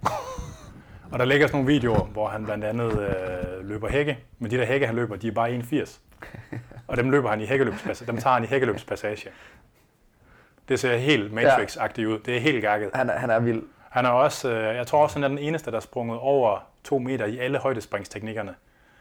Øh, Ja. Altså det vil sige, at øh, ikke bare hoppe over med ryggen øh, til øh, øh, selve den her øh, Hvad hedder det der slags spring? bar, egentlig? men også hoppe med maven henover. Øh, flop. Øh, Ja, et eller andet flop, det er rigtigt. Det undersøger lige hurtigt. Men altså, nu skal det jo siges, at det er alligevel sjældent i CrossFit, at vi tester en af dem og højdespring. Det er oftere, at vi ønsker at udtrætte, mm. kan man sige, vores springmuskulatur ved at lave en rigtig mange øh, repetitioner ja. på en meget fixeret højde, altså 60 cm. Altså, jeg tror, det primære det har været logistikken. Jeg tror, grunden til, at det er blevet en ting i CrossFit, det har været logistikken i, at man kan have et hold, hvor det kan afvikles på et sted med meget lidt plads. Nå, nu, nu, ja, ja, okay. Altså, selve boxjump-øvelsen, synes jeg egentlig ikke nødvendigvis, der er et problem med. Det er en helt anden diskussion. Det var mere det der med at hoppe op på høje bokse. Nej, men det var også bare for at forklare, at... Øh, Ja, ja, at vi- 100%. hvad Og vi men det, man siger, der, der er nogle ting, der er kommet ind. Altså, det, undrer, man Ja. kan, det kunne godt, hvis, hvis formålet er, at det skulle være alle slags træning, der skulle være repræsenteret i CrossFit, Ja. ja. så kan det godt undre, at løb og spring ikke har fyldt mere. Ikke? Man kan godt lave broad jump, for eksempel, som jo både findes som fysisk test og som træningsværktøj. Der, der, vil jeg, der vil jeg have lov til at sige, Anders, der tror jeg måske, at det du har fulgt nok med i CrossFit de sidste... Jamen, det, nu ved jeg godt, det er kommet. Nu ved, Ja. Jeg ved godt, det er kommet. Det er ikke sådan. Men Ja. grunden til, det ikke blev... Altså, fordi, Oprindeligt, tænker du? Ja, fordi det, var, Yes. det, det, blev, det blev præsenteret fra starten som den her multisport, der repræsenterede Right. right. alt. Og for en ting, der skulle forestille at repræsentere alt, der er der godt nok ikke særlig meget kast og spring og sprint. Nej, og lige præcis, og at kaste, synes jeg, det er jo en af mine kæpheste, der jeg synes, at kaste mangler enormt meget i CrossFit. Også fordi, ja. at hvis du kigger på, på hvad menneskekroppen, hvad du evolutionært kan finde ting, hvad, hvad vi er udviklet til. Ja. så er det at kaste ting virkelig dygtigt i forhold til andre dyr. Ja. Og så er det lige præcis at løbe hurtigt nok til, at andre dyr sveder sig selv ihjel, mens uh, vi ikke sveder ihjel. Men ikke løbe hurtigt, det er vi dårlige til. Ikke løbe langt, det er vi også dårlige til. Så det er ligesom kaste og løbe. Løbet der- relativt langt, er vi vel sådan set. øh, Jo, men hvis du kigger på udholdenheden i forhold til hunde og sådan ting, så er vi stadigvæk relativt dårlige, også i forhold til den hastighed, vi kan vedligeholde over Jeg tror stadigvæk, den antal kilometer, man kan tilbagelægge per døgn, det tror jeg stadigvæk faktisk er...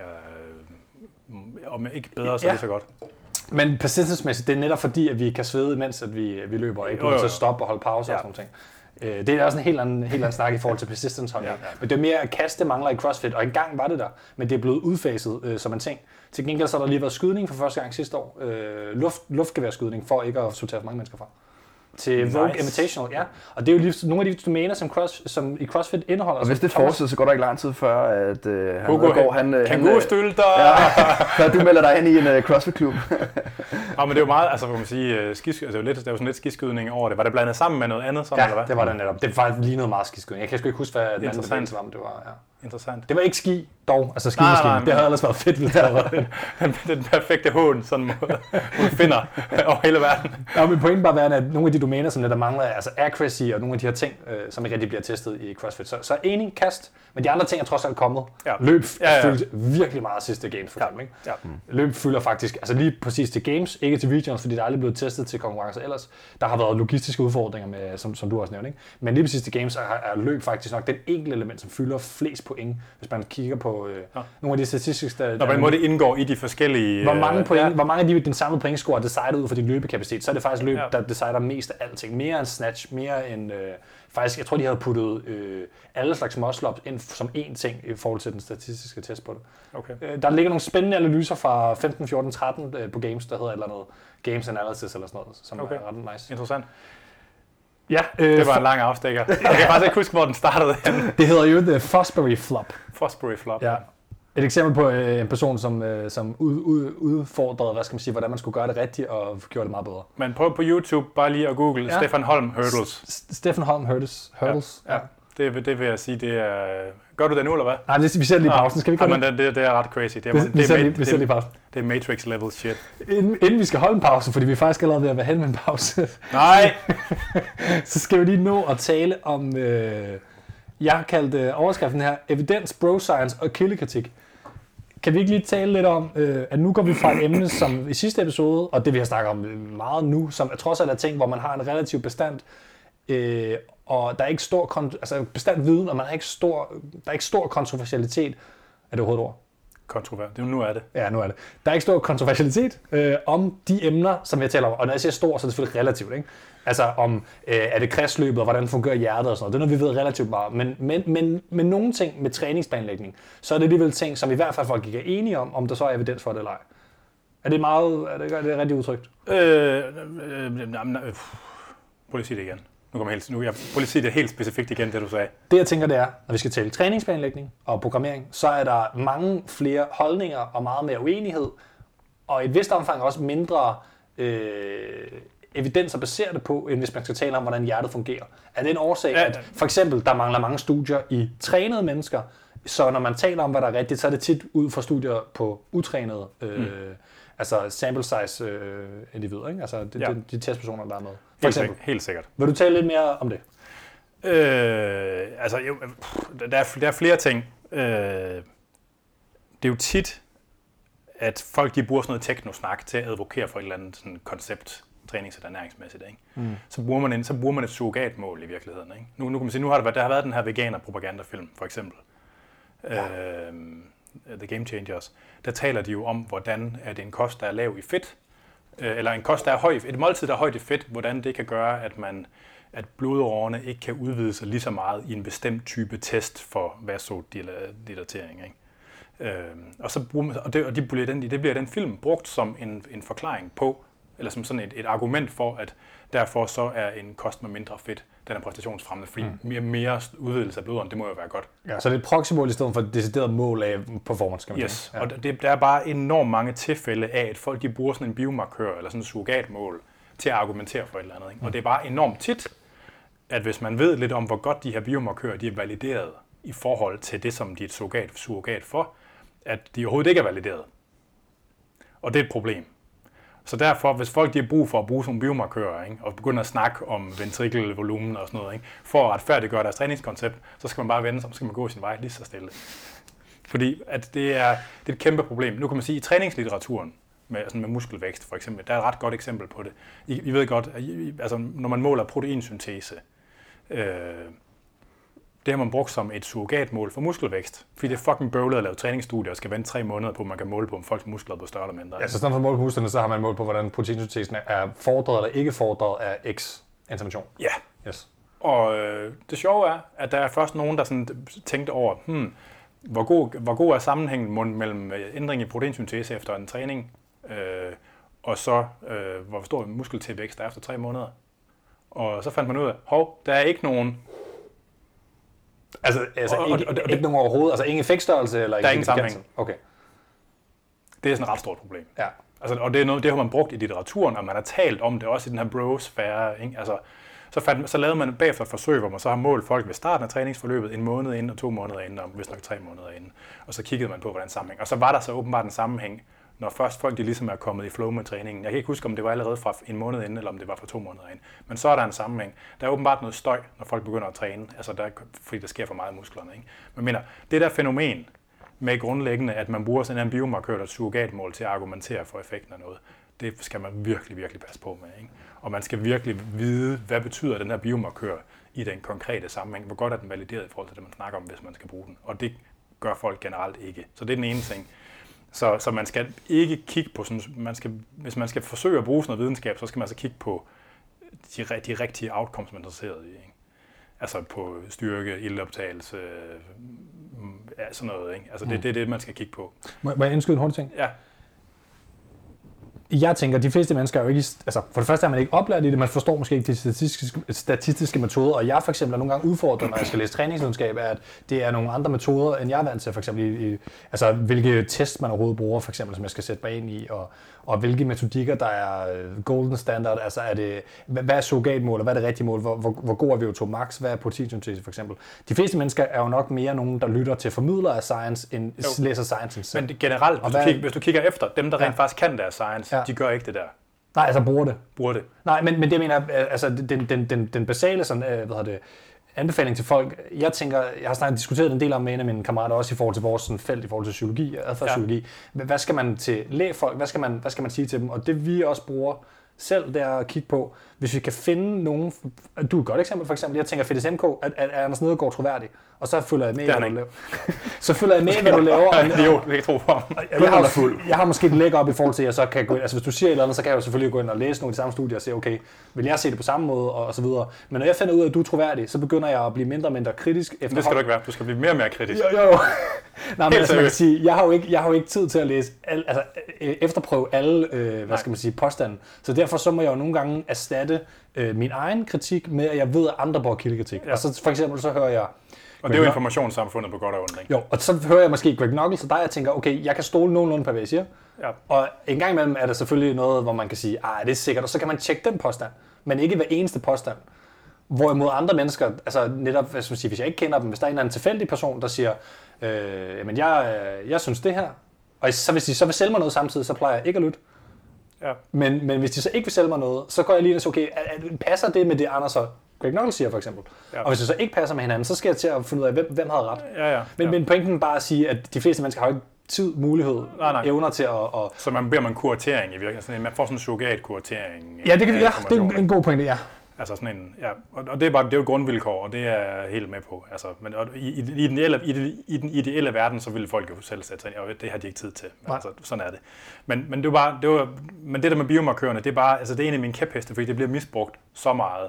Og typisk dem, der gør det, det er ting, der gerne vil have ting til at lyde smartere eller sværere, end det er, for at lave noget FOMO, så de kan sælge noget til folk. Thomas har nogle eksempler på en liste, som han måske øh, kommer på på nogle af de der ting. Nå, men altså- Hey, ikke for afbrud, det var bare... Ja, om det, det, jeg var færdig sådan set, men Okay, det er bare, ja. men, Nå, men altså, vi har jo måske faktisk snakket en øh, lille smule om det, eller i hvert fald nævnt det tidligere, det her med PowerDot og øh, Compex, som, altså elektrostimuli, som skulle være med til at øge performance måske på ens, øh, man bliver stærkere af at bruge det eksempelvis. Ja. Og, og så mit spørgsmål til dig er det, passer det, at man kan blive stærkere af det, eller hvad funktion har ek- eksempelvis elektrostimuli? ja, og det, det- altså, uh, øh, Det behøver sikkert være den hele øh, lange forklaring, men, men sådan... Der findes nogle modeller af elektrisk stimulering, der godt kan gøre folk stærkere. Men jeg, jeg, jeg tror, som jeg, som jeg oplever litteraturen, så skal man over i sådan noget med superimposed twitches, hvor du spænder folk fast i en maskine, og så beder man dem om at trykke alt det, de kan, og så får de et ordentligt rap oven på deres egen kontraktion. Og det kan noget, og det mener jeg faktisk også kan noget i trænet. Men det, det er jo noget, typisk noget, man gør i sådan nogle lukkede bevægbaner, ikke leg extension og sådan noget. Spørgsmålet er, hvis man så putter folk over og skal lave snatch eller squat, eller hvor stor overførselen er. Og det er der nok ikke nogen, der ved. Det er den ene ende af det, så den anden ende, det er restitutionsspørgsmålet. Ikke? Mm. Og det er sådan Ja, kan du noget, restituere hurtigt, fordi du får mere blod gennem igennem? blodet, øh, ja. og sådan noget. Ikke? Og, og det kan man, altså det, det- det er bedre end ingenting. Det er ikke bedre end at gå en tur. Har man altid mulighed for at gå en tur? Det har man nok mm. ikke. Altså, så så, så kan, kan det være sådan justified i nogle situationer, det kan det nok godt. Mm. Øh, men altså sådan, så er, man, så er man over igen i det her. Problemet er jo, at fortællingen om, det, om at det er godt, er jo blevet normativ. Og hvor, hvor, Det er i hvert fald sejt, synes Nå, jeg. men, men så det, Nå, men det er siger, også en lækker gimmick, og ham Jo, jo. dem, så man kan styre det med sin Ja, telefon. men, men så også det, du siger, det er jo, at eksempelvis, hvis man øh, har tiden til det, så kan man lige så godt gå en tur. Men hvis man ikke har tiden til det, og er nødt til at, mm. lad os sige, arbejde, øh, og du sidder på, på numsen og arbejder, øh, fordi du sidder ved din computer, så kan det måske faktisk godt have en effekt i forhold til gennemblødning af muskulaturen. Ja.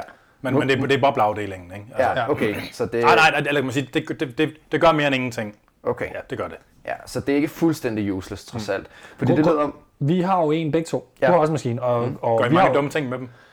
Jeg har ikke puttet den på pikken, Anders. Jeg ved godt, det, du det næste, det, det, men, men det er grunden til, Jeg har ikke proppet dem på maven øh, Nu- ved jeg endnu ikke, for at få, få lidt mere vaskebræt. Nu ved jeg ikke, om Thomas, øh, og Thomas øh, har købt den af samme årsag, men vi bruger den stadigvæk af samme årsag. Jeg bruger den enormt sjældent. Men når jeg har brugt den, så er det to årsager. Enten hvis jeg har været skadet i længere tid, i en eller anden muskulatur, så har jeg brugt den i den muskulatur i forhold til at vedligeholde en eller anden form for, hvad skal man sige, øh, hvad det, aktivering. Altså hvis der er tale om en, en, en muskulatur, som jeg nærmest ikke selv kan aktivere, men netop at gå en tur med den, for eksempel. Ja. Øh, og så Og har så jeg... været meget skadet. Jo, hvad, hvad det, nu, for eksempel da jeg var sengelæggende med lungebetændelse, der brugte jeg den lige en lille smule. Jeg, jeg, jeg mener, den lungebetændelse, altså jeg lå i sengen i to uger og bevægede mig ikke. Kalder dig Mr. Manflu herover. Ej, det var, det var slet ikke, jeg har aldrig været så syg. Men, men, men, men jeg ved godt, det er et dårligt eksempel. Men lad os nu sige, at man var sengelæggende på hospitalet for eksempel, eller et eller andet. Ja. Eller Thomas øh, med dine akillescene. Jamen, som altså var- det bedste eksempel, øh, jeg har brugt den på, det er, Mm. da jeg sprang akillescenen. Så øh, altså, der, der, der træner en hel del øh, med Kasia faktisk, øh, som øh, også øh, har kommet til at udgive podcast omkring VL her meget snart. Mhm. Mm-hmm. Øh, hvor vi så arbejdede med den, øh, altså at den var aktiv samtidig med, at jeg så lavede øh, leg øh, races. Men, Øh. men det, sådan bruger man det jo også. Det er, jo- det er jo sådan en evidensbaseret brug. Mm, Præcis. Og, altså, Og, og det gav jo fin mening øh, at gøre den forstand. Og Jeg kunne også godt, altså jeg er stadig sværere ved at aktivere faktisk min lægmuskulatur, efter den har været sprunget end, øh, Ja. end, end den anden. Øh, så, så på den måde kunne det jo så være med til at stimulere den her aktivering af muskulaturen. Det, Ja. Den anden øh, måde er, øh, ved at have, jeg købte den faktisk, mens jeg sad og skrev, skrev bachelor sin tid, at hvis man har enormt travlt, så kan du være, altså, så, så hvis du ikke har tid til rent faktisk at lave aktiv restitution, mm. det kan man være så sidde i fly i mange timer for eksempel, eller et eller andet, så tænker jeg, så kan du bruge det til at aktivere øh, muskulaturen. Det er de to ting, jeg har. ja, Giver det mening? måske. Okay. Men, øh, men så lad os øh, gå videre Men det var, det var faktisk en Nå, ja. afstikker, for Ja, du spurgte okay. til det der. Ikke? Altså, fordi videnskabens problem, det er jo, at, at den siger ikke noget om individet og individuel respons. Ej, det, ja, det er Og, faktisk og, en og, god- og, dem, der, og, og dem, der sådan er coaches, øh, og måske, er, måske arbejder meget ud fra en personlig erfaring, ikke? De har, er typisk dårlige til at forstå, hvad det gennemsnitlige respons er. Ikke? Så der er sådan en omvendt... Ja, pra- praksispersonen er god til at forstå den enkelte atlet. Ja, Og og, og, og, måske en villighed til at ekstrapolere fra sig selv. Og, altså en villighed, eller en, hvad kan man sige, en tendens til at Ja. ekstrapolere for, sin, for meget fra sin egen erfaring. Og, Men kreatin er vel et super godt eksempel på det der med øh, altså den gennemsnitlige kontra det individuelle. Altså, der ved man så dårligt nok, om man responderer eller ej, vel? Altså, der er så mange øh, no-responders. øh, hvis man, jeg vil sige, hvis man tager på af det. Altså man, de, fleste folk, der begynder på gennemsnitligt, så tager man 1-2 kilo på i væske. Hvis man er en af dem, så er man nok en af dem, det virker for. Fordi at grunden til, at man tager det på, det er, fordi det er tungt at bløse lidt salt, Mm. som kræver nogle molekyler vand og holde. Altså så, jeg vil våge at påstå, at der er en rimelig sammenhæng imellem. Altså det burde der være. Mm. Og det, men det er et gæt. Men det, det, det, det er jo teoretisering, kan man det er sige. teoretisering, uden- ja. Der, der burde være en sammenhæng. Øh, Jeg tror ikke, der er nogen, der har undersøgt det. Men bare, og, og, og, og, kan man sige, kreatin, det er jo så faktisk endda et af de få, de få, få eksempler, hvor, vi har, hvor den der responderdynamik, den er undersøgt.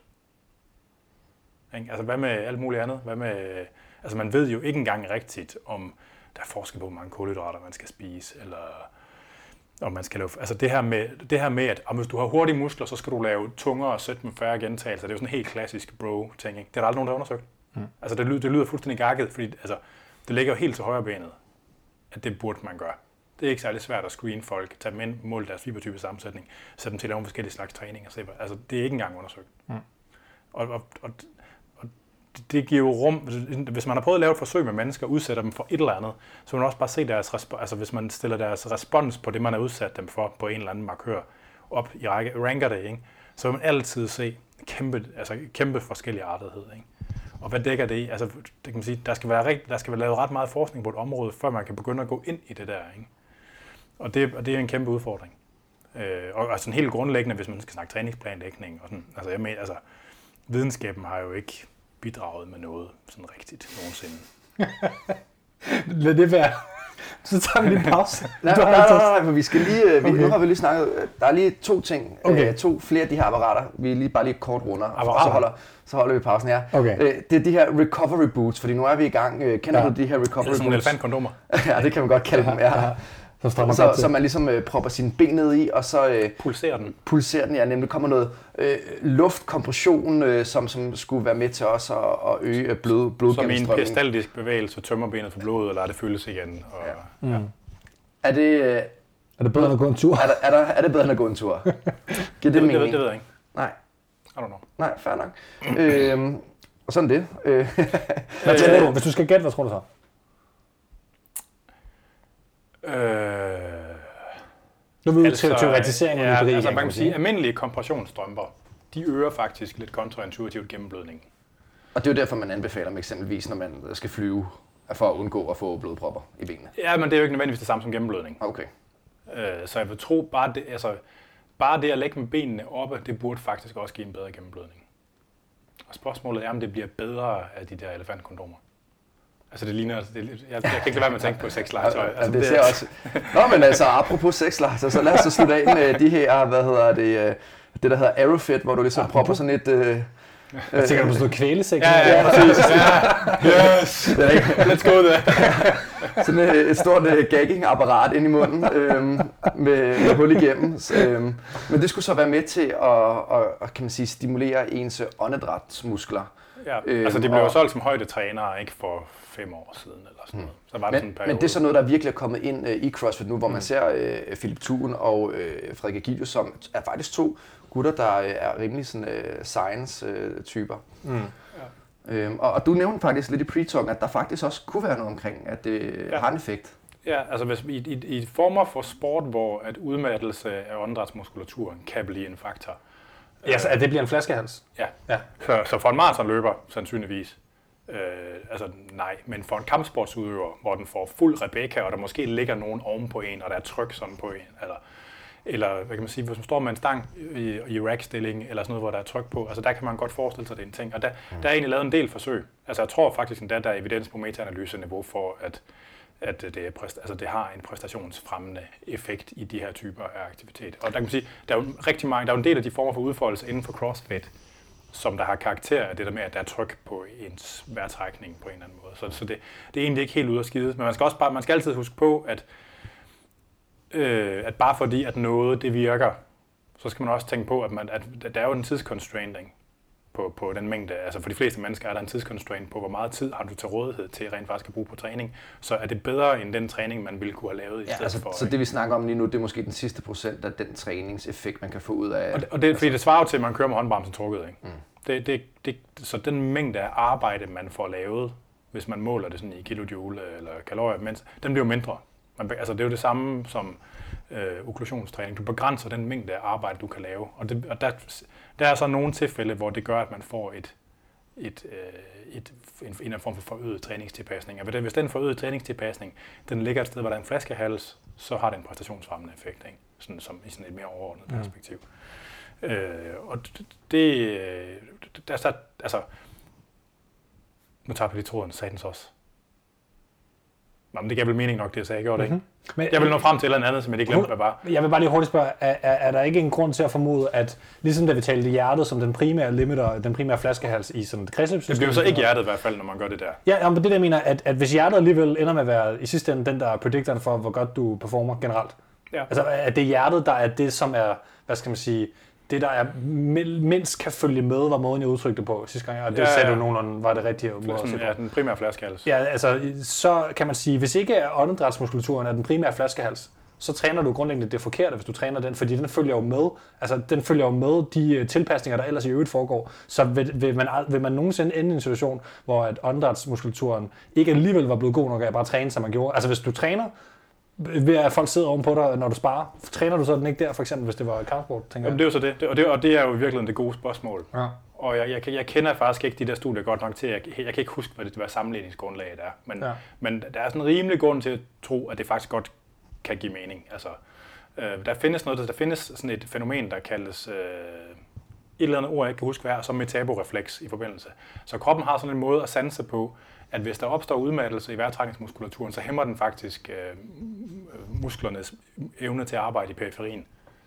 Øh, det er en ret vigtig pointe i CrossFit. Ja, altså man har testet det i sådan en model, hvor man har sat folk til at lave, altså man har gjort folk forpustede, og så har man sat folk til at, øh, at lave noget, en eller anden form for træning med lægen samtidig med, som ikke umiddelbart har nogen tilknytning til det der. Ikke? Ja, for som du sagde, det belaster ikke kredsløbet nok til, at det, Ja, hvor man simpelthen kan se, at hvis folk har den der, altså hvis der er, hvis man, hvis der er noget, der tyder på Mm. en grad af, af udmattelse i kredsløbsmuskulaturen, så hæmmer det mu- muskels, evnen til at muskelarbejde i periferien. Og, og det ser vi jo ofte i CrossFit, hvor man eksempelvis øh, går fra bar muscle ups, og så skal over og lave nogle squats, øh, øh, som er i princippet helt forskellige muskelgrupper, der aktiveres øh, i de to øvelser, men, men der, der Ja, så hvis man kan reducere den fatigability, Ja. så er der jo grund til at formode, at den der metaborefleks den bliver hæmmet. Og så fik Arif en lille ko- lidt Så, øh, øh, så hvis vi skal have en, Man skal øh, bare ikke kalde det højdetræner, for guds skyld, man skal ikke kalde det højdetræner. Hvis vi skal jeg have en sponsor, så, øh, så kunne det faktisk godt være noget, vi kunne stå inden for det her. Jeg har, jeg har jo altid tænkt, at de der øh, masker, elevation masks, altså det var et åndedrætsmuskulatur, man trænede dem. Det var det, der var pointen for mig, med, at hvis man skulle have en. Jamen, så, tror, så er det bare, fordi du er klogere end 90% af resten af verden. Det er det, der bliver sagt, inden vi går til pause. Mit navn det er Anders Nedergaard, og du lytter til CrossFit Ministeriet. Mit navn er Nikolaj Rønnow, og du lytter til CrossFit Ministeriet. Ja, jeg begynder bare at optage, så øh, ja, vi kører videre fra pausen her, så, så dropper vi lige de emner, vi talte lige, lige, lige før om. Det var begyndt at blive lidt for hyggeligt. er lidt for hyggeligt. Vi øh, skal nu meget hurtigt lige igennem, at vi i øh, resten af den her episode prøver at henvise, og faktisk også de senere episoder, som du så desværre ikke er med i, øh, Anders øh, familie. Ej, nu må vi se. Men hvor vi skal tale lidt mere CrossFit-specifik træning og gymnastik, øh, vægtløftning, øh, noget SPP-træning, sådan, sådan lidt, lidt mere specifikt. Så prøver vi jo nok også at vende tilbage til de her cases. Og grundlæggende er bare, at vi har øh, to typer atleter. Den ene, øh, den hedder Mathias eller Sofie. Det er det håbefulde unge talent. Sådan relativt øh, ung, generelt fysisk aktiv, men ikke nogen stor øh, strength and conditioning øh, træningserfaring. Og det er sådan grundlæggende, de har ikke været meget træningscenter, de har ikke meget målrettet trænet, øh, trænet øh, løb og lignende. De har måske øh, haft lidt atletik i, i gymnasiet, ikke? og det er, sådan, det er sådan det, de har, har lavet. Men spillet lidt fodbold og hygget sig lidt, og ikke siddet stille og spillet computer i en mørk kælder og kodet Python. Eller ja, Så, så, Eller- C++, eller... Ja, jeg siger, ja. Øh, det, ej, det tager vi lige senere, Anders. Ikke? Øhm, men, øh, men, men cirka en 5-6 gange øh, og træner om øh, ugen, og træner en gang om dagen. Øh, så der er masser af træningstid for den her person ikke? Øhm, og, og give af. Vil gerne være RX CrossFit lidt om to år, og vi kommer lige tilbage til, hvad, hvad betyder det at være RX, altså as prescribed øh, om et stykke tid, og vil på sigt gerne sanctions. Så det er nogen, der har store ambitioner af det her. Og det er selvfølgelig... meget store ambitioner på to år også. Ja. Jo, ja, måske. Mm. Ja, det ved jeg ikke. Altså nu er der mange sanctionals, og, øh, og, og ja, det kan vi lige komme ind til bagefter. øh, Men, men i hvert fald nogen, der har, øh, gerne vil være konkurrenceatlet. Så det er også en andet øh, type træning, muligvis. Det er lidt det, der er pointen. Og se, at man skal træne forskellige i løbet af episoden. Øh, og den anden type øh, case kalder vi Christian eller Camilla. Og det er sådan den normale crossfitter, men som stadigvæk vil til hyggekonkurrencer. Så det er en, der gerne vil tage til nogle øh, RX-konkurrencer på scale eller intermediate-niveau, øh, og vil gerne lave åben formentlig også. Måske andre online qualifiers. Lidt ældre, slutningen af 20'erne. Træner øh, tre gange øh, om ugen, øh, men så har lavet et hold, og så måske lidt styrketræning bagefter. Har trænet CrossFit på hold øh, i en tre år, så har noget erfaring der, men jo ikke træner målrettet nødvendigvis. Det er sådan de to sådan gennemsnitspopulationer, øh, vi prøver at, at ramme der. Så skal vi tale lidt om, hvad, hvad CrossFit er for en størrelse som, som sport. Vi kan jo ikke lave sådan en fuld formel arbejdskraftsanalyse, men altså, øh, der er to primære elementer, som vi snakker om i dag. Det er styrke og fitness, og så prøver vi at gemme sådan lidt skill og, og sådan også mental skill i forhold til at blive en god konkurrenceatlet, i forhold til at klare presset og, og performe, når det gælder og sådan nogle ting. Øh, det, det gemmer vi måske lidt til, til nogle af de senere episoder og tale det lidt dybere. Men øh, hvor stærk skal man være for at være en god crossfitter, Thomas? Og det er virkelig et øh, svært spørgsmål, fordi igen, det kommer meget an på, hvad ens øh, målsætning er. Er det at være, øh, altså bare hvis vi tager gamesatleter, så er forskellen mellem de stærkeste gamesatleter til de svageste gamesatleter kan jo øh, sagtens være øh, 50 kilo i back squat og dødløft for den sags skyld. Så hvis vi sætter nogle tal på, så er de stærkeste øh, dødløfter i... Øh, Men det er jo stadigvæk kun til 20 procent, ikke? Jo, jo, og, og det her, det, og det er også det pointen er, det, det her, det er, jo, det er jo bare, hvad hedder det, crossfitter, vi, altså i, på games-niveau, altså det højeste niveau, vi snakker om, ikke? Øh, hvor der er stor forskel i styrke. Øh, men hvis vi har nogle tal for dem, så de stærkeste dem løfter måske 300 kilo i dødløft på herresiden, øh, omkring 180-90 kilo i dødløft på kvindesiden. Nu tager jeg dødløft som udgangspunkt. Mm-hmm. Hvis vi tager øh, øh, vores øh, øh, RX-konkurrencer, hvor du så kan være med i RX, som du siger, øh, øh, så, så er det måske øh, dødløft øh, 220 for mændene, øh, 140 kilo, 130 kilo for kvinderne. Og igen, så hvis vi går ned på intermediate niveau, så falder kiloene selvfølgelig ned til omkring 140-150 i back squat, øh, for, eller undskyld, hvad hedder det, øh, i dødløft for mændene. Øhm, og for kvinderne ned omkring 100 kilo, og så kan vi så blive ved med at gå den vej ned. Så, og det er jo bare i et enkelt løft, jeg har taget her, mm-hmm. så det kan blive en rigtig lang snak, hvis man skal sige, hvor stærk skal man være. Men, men så, man kan sige, der er nogle, nogle gennemsnitsting, hvis jeg lige må, må tage det også ja. med højde og, drøjde, fordi at, man kan sige, det der sker i en sport, jo mere formelt den bliver, jo længere den eksisterer, så vil der generelt ske en selektion mod en helt bestemt type kropstype. Det der sker i, i CrossFit, Og det skal er mere tage- kompetitiv, først og fremmest, ikke?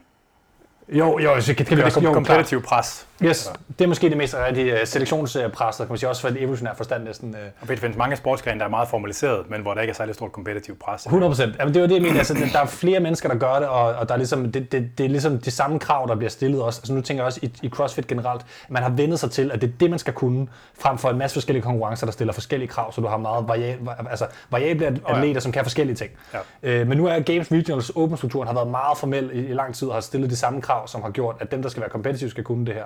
Og det er dem, som har vundet frem. Derfor træner rigtig mange mennesker også på samme måde.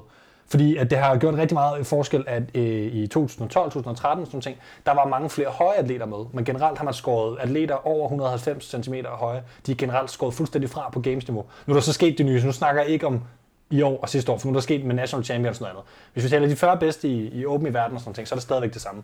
Så generelt ser vi, at folk er et sted mellem øh, altså 170, 100, øh, 100 ja, Fikowski er en outlier på 188 cm, tror jeg, han er den højeste atlet, øh, vi har haft med. Øh, men ellers så ligger folk altså i sådan Matt Fraser-størrelsen og lidt større. Patrick Vellner er meget gennemsnittet. 75? Eller? Ja, det er omkring. 81, faktisk. Okay. 81. Jamen, jeg så, vi sad lige og snakkede med en, øh, med, med en ven om det i går, hvor vi sad og kiggede på, at Fikowski ser ikke så stor ud. Altså, han, han opleves ikke som så stor visuelt, men det er fordi, han er ret høj og ret lean samtidig, for han har ikke så meget masse i forhold til, hvor høj han er Nej, nej. faktisk. Fordi han øh, vejer øh, godt nok 98 kilo, men han er så også... Øh, Damn. Ja, det er ret stort i CrossFit. Men, men det, som man så glemmer, det er, at man Fraser vejer altså øh, 89-90 kilo. Selvom han er ret lille. Ja. Han er 17 cm lavere end Fikowski, så man kan sige, det er det range der. Fikowski, Man Fraser er en af de relativt små, men de vejer næsten alle sammen i et range fra, fra sådan øh, 86 til, til 92-93. Fordi man skal bare have en vis muskelmasse for at være god, og så begynder man at se, at folk bliver dårligere til alle gymnastikøvelserne, burpees, alt det der kropsvægtbærende, øh, når man bliver øh, altså, tungere, ikke? Så, så kan det ikke rigtig betale sig at være tungere. Så Fikowski har nogle fordele af at være høj, men må, måske i virkeligheden primært nogle ikke-fordele, fordi range of motion fylder så meget i, i CrossFit. Ikke? Øh, så vil jeg bare lige nævne, at det med, med, med snatch-tallene, kan man sige, at de har stabiliseret sig over de sidste par år i forhold til, hvad man skal kunne snatch. Men vi er jo gået fra, altså engang var det godt at snatch 100, Retroning snatchede 100 kilo til Games i 2012, øh, og blev nummer 5 eller sådan noget. Og det så fucking grimt ud. Nu snatcher alle over 120, ikke, hvis man er god. Er det ikke det omkring for, for en mand? Igen, hvad er god, ikke? Men altså Og nu snakker vi games niveau, på, på games og sanctional niveau, så hedder det mellem 115 og 130 kilo, ser du stort set hos alle atleterne. Ja. Altså det er meget få, der snatcher under 110.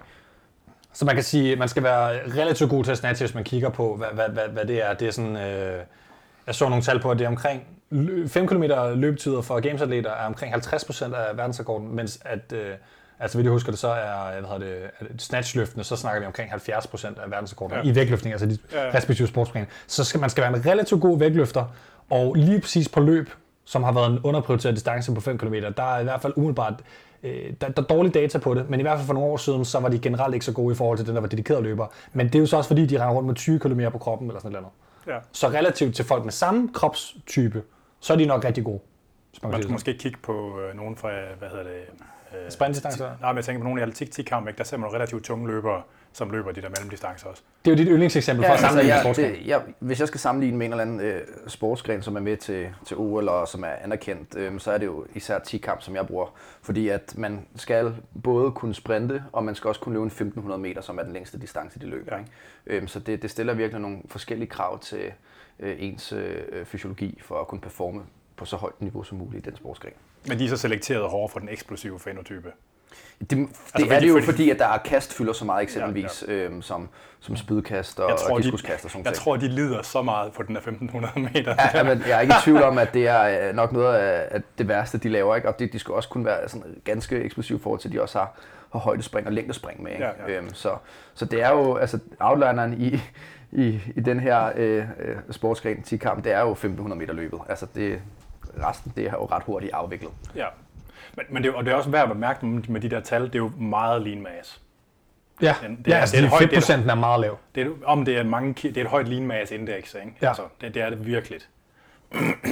Altså i forhold til højden, er det du... Ja. ja. Altså, der er nogen, der udregner body mass index, bare så kun gør det med, gør, kun gør det med den fedtfri masse. Ah, på den måde, ja. Altså det, det er et højt lean mass index. Ja, og man, altså, hvad hedder det, i forhold til sådan, hvis man skal kigge øh, altså, hvad hedder det, fedtprocent, så taler man jo også om, at, at, vi er nede på at tale, øh, mænd skal ligge mellem 8 og 10 og 12, tror jeg, Ben Bergeron siger i, i fedtprocent, og, og kvinderne, hvad er det så?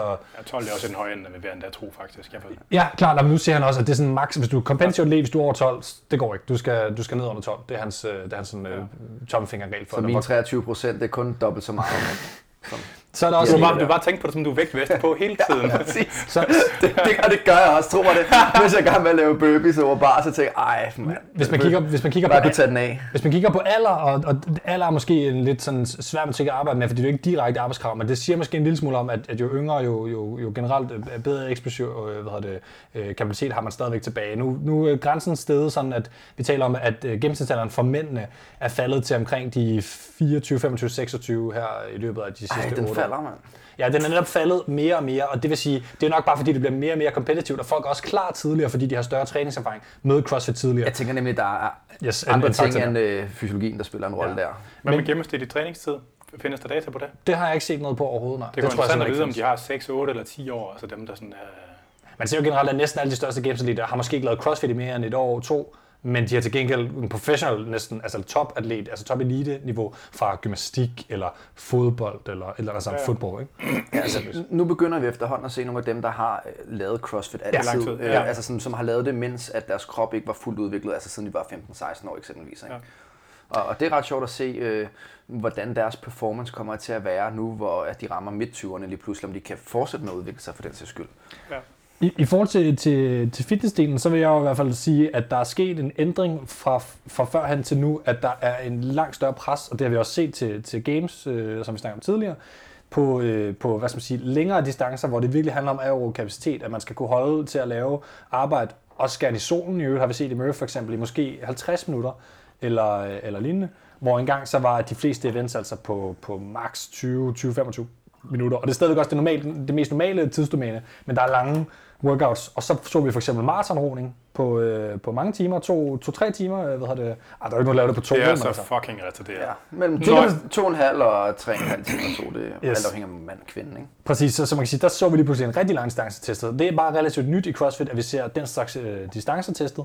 Vi har også set, øh, hvad hedder det, altså, hvad skal man sige, øh, altså relativt lange distancer løb til nogle sanctions og sådan nogle ting. Så, så på, på det højeste niveau i sporten, der ser vi nu, at aerobisk kapacitet er noget, der betyder meget. Det er heldigvis også noget, folk kan begynde at træne meget. De to ting hænger måske også lidt sammen.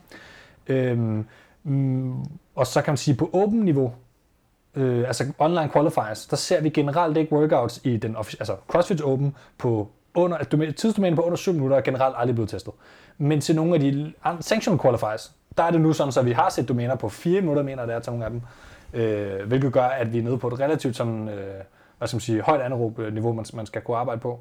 Øh, men, men er der nogen stor forskel på, på den, som ved sanctionals og store konkurrencer er X-niveau, og øh, altså det intermediate scaled niveau i forhold til altså aerobisk og anaerobisk kapacitet? Jeg skal lige helt være med på dit Jeg, jeg tænker, vi ser ikke til danske konkurrencer og til åben øh, events på over 20 minutter generelt.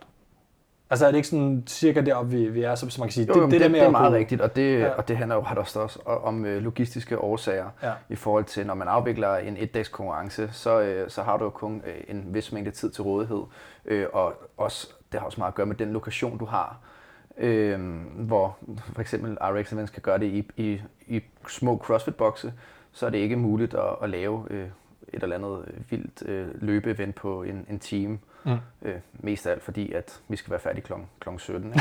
Jo, Og måske hjem. at lokationen måske er et bestemt sted, hvor man ikke bare lige kan lave en rute, der er så stor.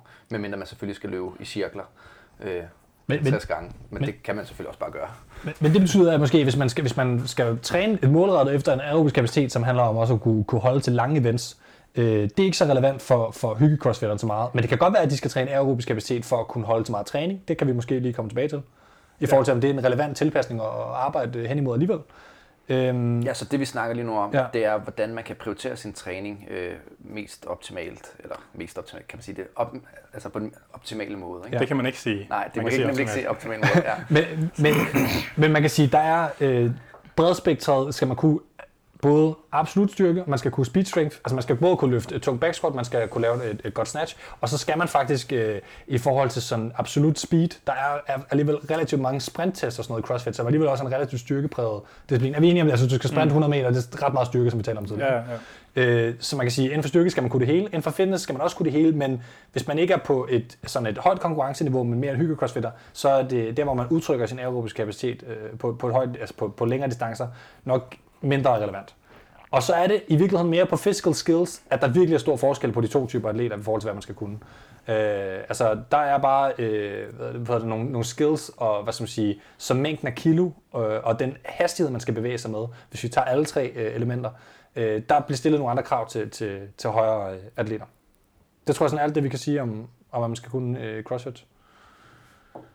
Udover at anaerob power, altså anaerob power må i virkeligheden være noget, der er ret meget, hvis man skulle gætte. Jeg så faktisk et studie, det er en af de eneste studier specifikt lavet på CrossFit, at der var Wingate-testen, det der predicted best performance i, de lavede Fran, Helen og en af M clean and jerk, tror jeg. Det var de tre sådan, performance metrics, de, de havde i, som, som outcomes. Og så kigger de på forskellige former for test af altså VO2 Max, uh, Wingate, det ene og det andet. Og ja. det, der var den bedste predictor for performance, var så Wingate. Der kan du så sige... Det, Fortæl lige, hvad Wingate, vi snakker om det sidste episode. Jamen, det var, hvad hedder det, jamen, var det, er det 60 sekunders eller 30 sekunders test på cyklen? 30 sekunder max 30 sekunders yes, max test. Hvor man både måler peak power i de første 5 sekunder, mener jeg, ikke?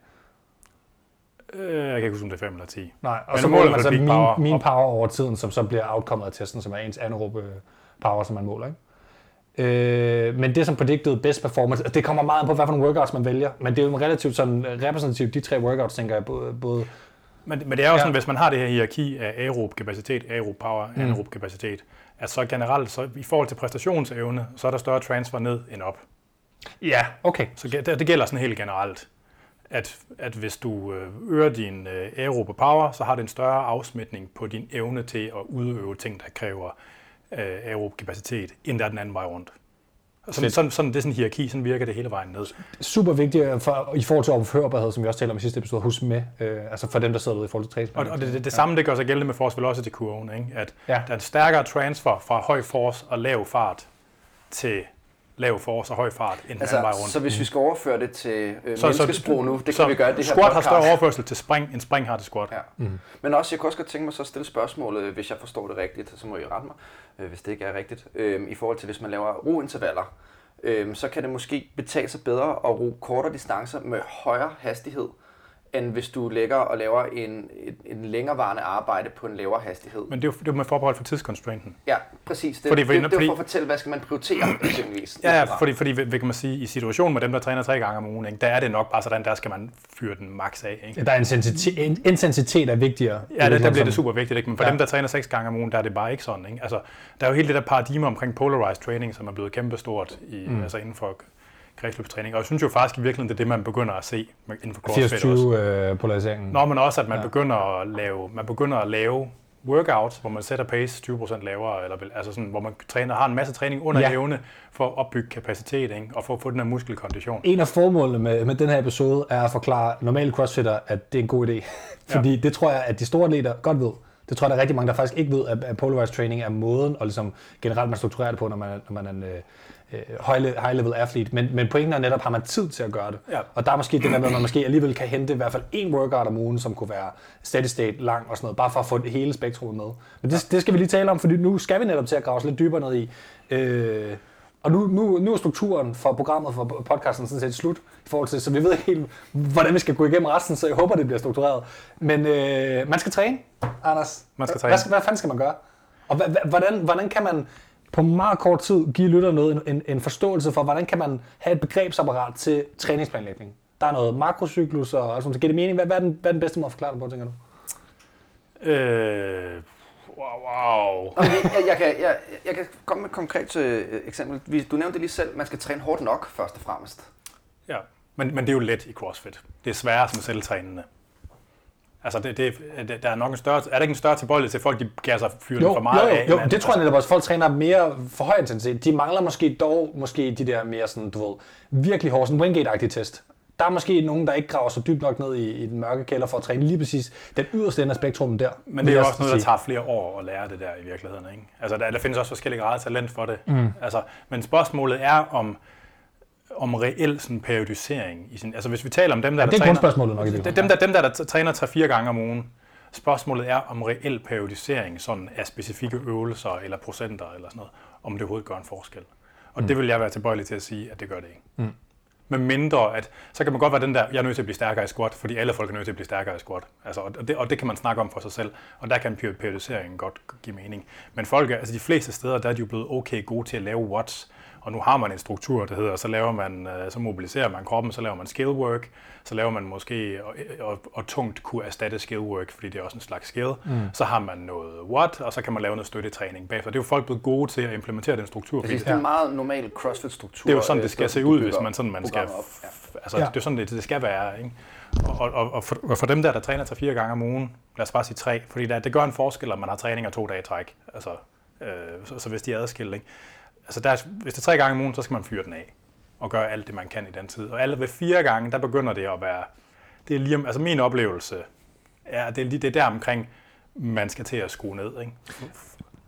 Øh, kan vi lige få sådan nogle helt overordnet? Jeg er sådan lidt øh, taxonomi-kategori-autist. Øh, øh, så jeg vil enormt gerne lige have nogle overordnede kategorier på. Jeg, jeg vil rigtig gerne have, at vi overvejer at sige, okay, altså man, man skal træningsplanlægge, og, og til det kan man sige, der er træningsplanlægning på den enkelte dag i forhold til, hvilke øvelser skal man lave, hvor mange reps skal man lave osv. Og så er der træningsplanlægning, som vi taler om nu, i forhold til sådan mere overordnet at lave.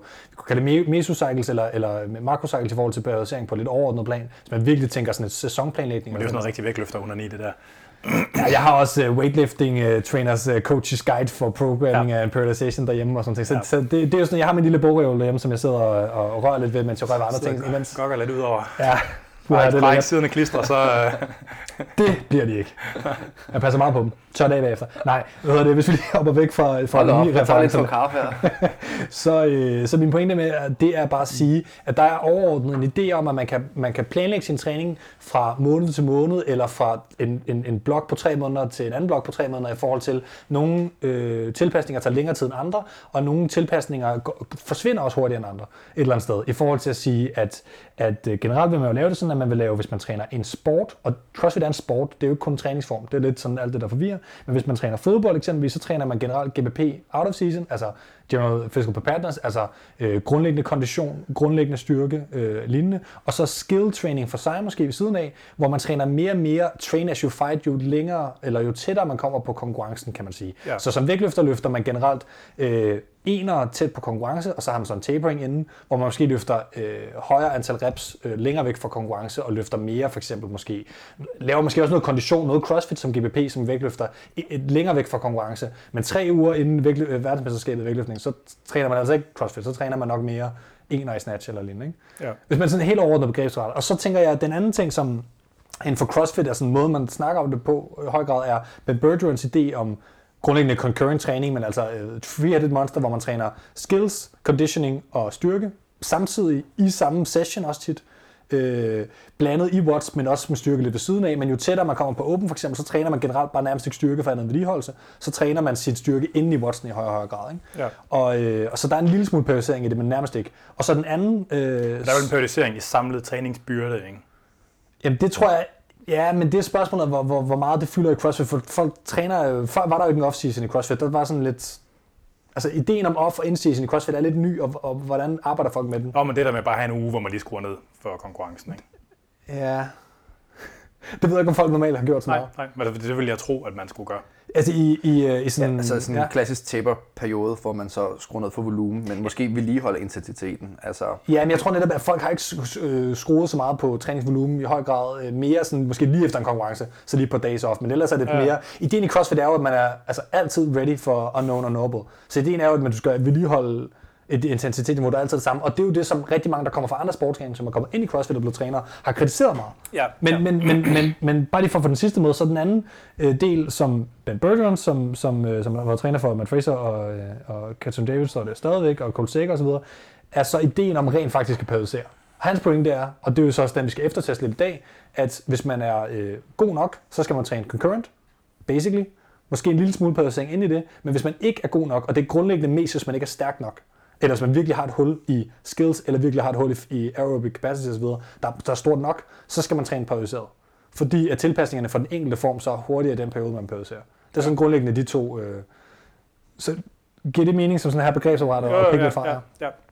ja. Men, men du var ved at snakke i forhold til, øh, at fire dage, der skiller det lidt fra, hvor man skal begynde at planlægge, Tænk- altså periodisere inden for ugen i virkeligheden. tænker over, at der ikke skal fuld skrald på hele tiden. Ja, så, så der er det sådan, i virkeligheden vel, altså, og mesos, hvis mesocyklen så er en, en uge eller et eller andet, eller, eller jeg ved ikke, det kan vel også mikrocykel generelt, ikke? Så skal man periodisere, altså sådan wave-træning, eller, eller hvordan, hvordan skal vi tale om det? Øh, altså, jamen, jeg tænker, altså, der er jo sådan de der RPE-standarder og sådan noget. Det er jo sådan Ja. lidt, altså, folk ved jo godt, hvad en hård træning er, Ja. og en mellemhård træning, og en ikke så hård træning. Ja. Så jeg ved ikke, om det, det, det lyder selvfølgelig diffust, ikke? Men der er nogle træninger, hvor man føler sig bollet bagefter, og så er der nogle, hvor man føler sig en lille smule bollet, og så er dem, hvor man egentlig har det okay. Og, og hvorfor skal man ikke bare have det rigtig hårdt hver gang? For det er jo sådan average for en crossfitter. Nå, men det bliver kontraproduktivt. Altså, og, ja, og- man og sige- hvorfor? Nå, men man kan sige, i, i, igen, hvis man, så, hvis man må henvise til det her med, med polarized training, Yes. ikke? Altså, Så det skal du lige forklare, Ja, hvad så, så polarized training, det er, jo, det, det er jo sådan det paradigme, der sådan dominerer udholdenhedssport nu, hvor man, hvor man, man har skældet, man har nok skældnet mellem sådan tre overordnede typer af træning, hvor man har den, den, en, den højintense intervaltræning, og så har man tempotræningen, eller sådan tærskel, eller ja, sådan, hvor man kører helt på kanten, men typisk i længere tid med fast puls, og så er det det lang, langvarige med en ret submaximal belastning i virkeligheden. Ikke? Og, og, Det er det, vi alle sammen kalder active recovery i CrossFit-verdenen. ja, Sjovt nok. Ja, Mere steady state, vil jeg faktisk Ja, men sige. steady Altså, state, det- nå, men, det- nå, men, kommer gang med. tempotræning, det er også steady state. Det er bare helt op på kanten af, hvad den steady state kan være. Jo, så det er ikke easy steady state. Det Ej, er det er- den det er- samme det er- hastighed, det er- men, men det er på grænsen til, at du ikke kan mere, kan man sige. Ja, ja. Og Hvor ligesom at, at teorien er, at det der tempotræning, mm. at det koster simpelthen for meget på restitutionskontoen. Ja. Så det skærer man fra.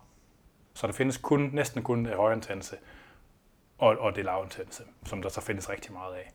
Øhm, og der kan man sige, at det, kan man sige, en almindelig CrossFit-træning vil nok svare til det, som der ligner tempotræning i virkeligheden. Altså, hvis man har en almindelig gokke, der skal løbe en, en, en 5 km, mm. så, så er det okay at løbe 5 km så hurtigt, man kan to-tre gange om ugen. Ikke? Det, det er okay. Men Godt, er i det her tilfælde værnepligt, det formoder jeg, hvis du... Nå, men pe- en, en person. Okay, person. Det er bare fordi, du... Non-descript køn og øh, oprindelse. Sådan. En høn, høne. Ja. Ja. Øh, så, så, virker det jo okay, udover at man selvfølgelig bliver skadet, fordi at det gør folk, når de løber, men det er sådan en helt anden historie. øh, og der kan man sige, der, der ligner de fleste almindelige CrossFit workouts, det ligner jo tempotræningen, ikke? Det- For, fordi det er sådan noget grav sig ned i lort, hvor man smadrer sig selv helt, ikke? Det, det er faktisk det er sjovt, fordi inden for, inden for løbeverdenen, som jeg har fulgt med der var man begyndt i højere og højere grad at kalde det der junk miles. Altså fordi, at du Kalde laver hvad? junk miles. Altså fordi du får ja. løbet så mange... Øh, du, du ender alligevel med ikke altså kunne holde den øh, intensitet, som du skal. Og så ender du med at bruge rigtig meget tid på, på at løbe den der slags øh, distance, kan man sige. Ja. Hvor at, man kan sige, pointen til CrossFit er netop... Og det var faktisk lidt det, jeg sagde med det der med, at folk ikke får lavet intensiteten helt ude i et minut øh, kalorier max all-out øh, assault bike sprint for eksempel. Øh, at der mangler både i virkeligheden det, som er... Folk laver for lidt sådan steady state på sådan et easy plan. Mm. Altså de 80% i polarizing. Og de laver også for lidt de 20%, fordi de laver for meget indimellem. Ja. Det er i virkeligheden min sådan grundtanke omkring, hvad- folk kunne forbedre med deres CrossFit-træning. Det er, at, øh, at det ikke kun fordi, at folk laver for lidt øh, øh, steady state. Det er også fordi, at de laver for lidt, der ikke er paced. Altså grundlæggende bare smadrer sig selv fuldstændig i en, i, øh, i en workout, og så bare hold on, i stedet for hele tiden at pace det lige under, at det går ondt. Ja. Men der, Altså, er også for forskel, der er også forskel på at pace det i 20 minutter og gøre det i 3 minutter. Og det er jo det, altså... Ja. Ja. Øh, og, og, og, så kommer der det der med concurrent begreb, ikke? altså træningsinteraktionerne. Fordi når man så begynder, normalt, når man vil blande, der er ikke, hvad kan man sige, styrketilpasning og udholdenhedstilpasning er kompromittere, eller udholdenhedstræning kompromitterer styrketilpasninger. Det gør det så ikke den anden vej rundt, sjovt nok. Og, Altså, men det er så nok igen det der hierarki, der er på spil med overførsel. Ja, man kan blive bedre til at squatte af og, hvad hedder det, og løbe. Eller Nå, hvad? men du, du bliver bedre til at løbe af squatte. Ja, ja. Ikke den anden vej rundt. Nej, tværtimod, præcis. ikke? Altså, øh, og der kan man sige, der, vil jeg, det, det, der er ikke forsket, det er ikke dokumenteret så godt, det der med, hvordan de forskellige grupperinger af, af udholdenhedstræning, hvordan de interagerer med styrketræning. Men der vil jeg nemlig våge at påstå også, at, at det der tempo, det er det der mellemlag, der koster mest på styrketilpasningerne. Øh, og der, der er jo sådan den der underlige dynamik i, at den tilpasning, der nok kommer langsomst, når man skal kunne det hele, ikke? det er nok styrken i virkeligheden. Øh, og, og det er jo sådan, det, det, det, altså, så hvis man halter på den, så er man nødt til, altså, så er man nødt til at skrue ned, virkelig meget ned. Ikke? Og det ser man jo for sportsfolk, når man laver træning til sportsfolk, at man kan sige, du er nødt til at stoppe med at lave thai-boksning, eller ro, eller skrue helt ned, mens du bliver stærkere i den her periode. Ikke? Og det, det, det, det, det, det er der nok mange crossfitter, der burde gøre også. Ikke? Øh, Men samtidig med, så skal man jo også godt være i god kondition. Øh, men, men styrketilpasningen, altså min oplevelse, og det er sådan lidt anekdotisk og sådan lidt evidens, at det bliver virkelig kompromitteret, når man har det der, hvor man sådan noget hård, sådan noget, hvor man føler sig bollet. Ikke? Mm. Også selvom der måske endda er en eller anden grad af styrkeaspekt i det. Altså, hvis man gerne vil være stærkere i squat, så, så er det bare rigtig skidt at være helt bollet to-tre gange om ugen. Altså. Jamen, og, og det her, det er jo, synes jeg, øh, rammer lidt noget af kernen øh, i at programmere til CrossFit, altså kerneudfordringen i det. Det er, øh, skal man eksempelvis, hvis vi tager vores cases her, de her øh, unge øh, øh, Mathias og Sofie på 19 år her, og de har masser af tid til at træne og sådan ting, men altså, skal, skal de så nemlig kun fokusere på at lave styrker, så drop konditionsdelen helt? Øh, eller øh, vil det være bedre for dem at, ligesom at kombinere de to ting, så man ligesom ikke mister for meget øh, af, af crossfit og sin udholdenhed, øh, når man så begynder at... Øh, altså hele min point er, at, at hvis du kun laver det ene, og så begynder at træne det andet igen, så forsvinder styrken måske lige pludselig. Ja, ja, ja. Så, så skal du træne begge ting. Er det mere optimalt? Fordi så vedligeholder du begge ting, selvom du ikke udvikler dig men, men der, er jo lidt en kun, der er jo lidt en kunst i at finde ud af, hvor lidt er, kan man lige akkurat nøjes med. Ikke? Og for, styrke, for styrketilpasninger, der, er det, der tyder det på, at selv for ekstremt trænede individer, der kan man fastholde sin præstation i ret lang tid med en ugenlig træning. Det er jo pointen med periodisering, tænker jeg. Det er, ja, det, folk, det, er det, folk mangler at forstå, det er, at man kan vedligeholde. vedligeholde Fordi ellers så giver periodisering ingen mening, for men, så vil det jo bare være sådan... Men det er jo en ting at vedligeholde, men hvad så, hvis du skal have bygget styrken? Jo, jo. Ja, men, det, men, men det, pointen er jo, at, undskyld, det er jo pointen er, at du netop træner styrke og bliver stærk nok, vedligeholder din styrke, og så træner du konditionen op. Og på den måde går du ind til en konkurrence, hvor du mm. har begge ting. Og det er derfor, du træner styrken først, fordi den er lettere at vedligeholde, er også mit øh, billede. Ja, det er så det, der var i tænkt i mit spørgsmål. Den maksimale styrke falder jo ikke særlig hurtigt, når du stopper med at træne. Altså, for selv, selv hvis du helt stopper med at lave styrketræning, så vil den, din eksplosive styrke, den vil stige lidt faktisk, ikke? og din maksimale styrke, den vil være stabil nogle uger, så begynder den at falde lige så stille.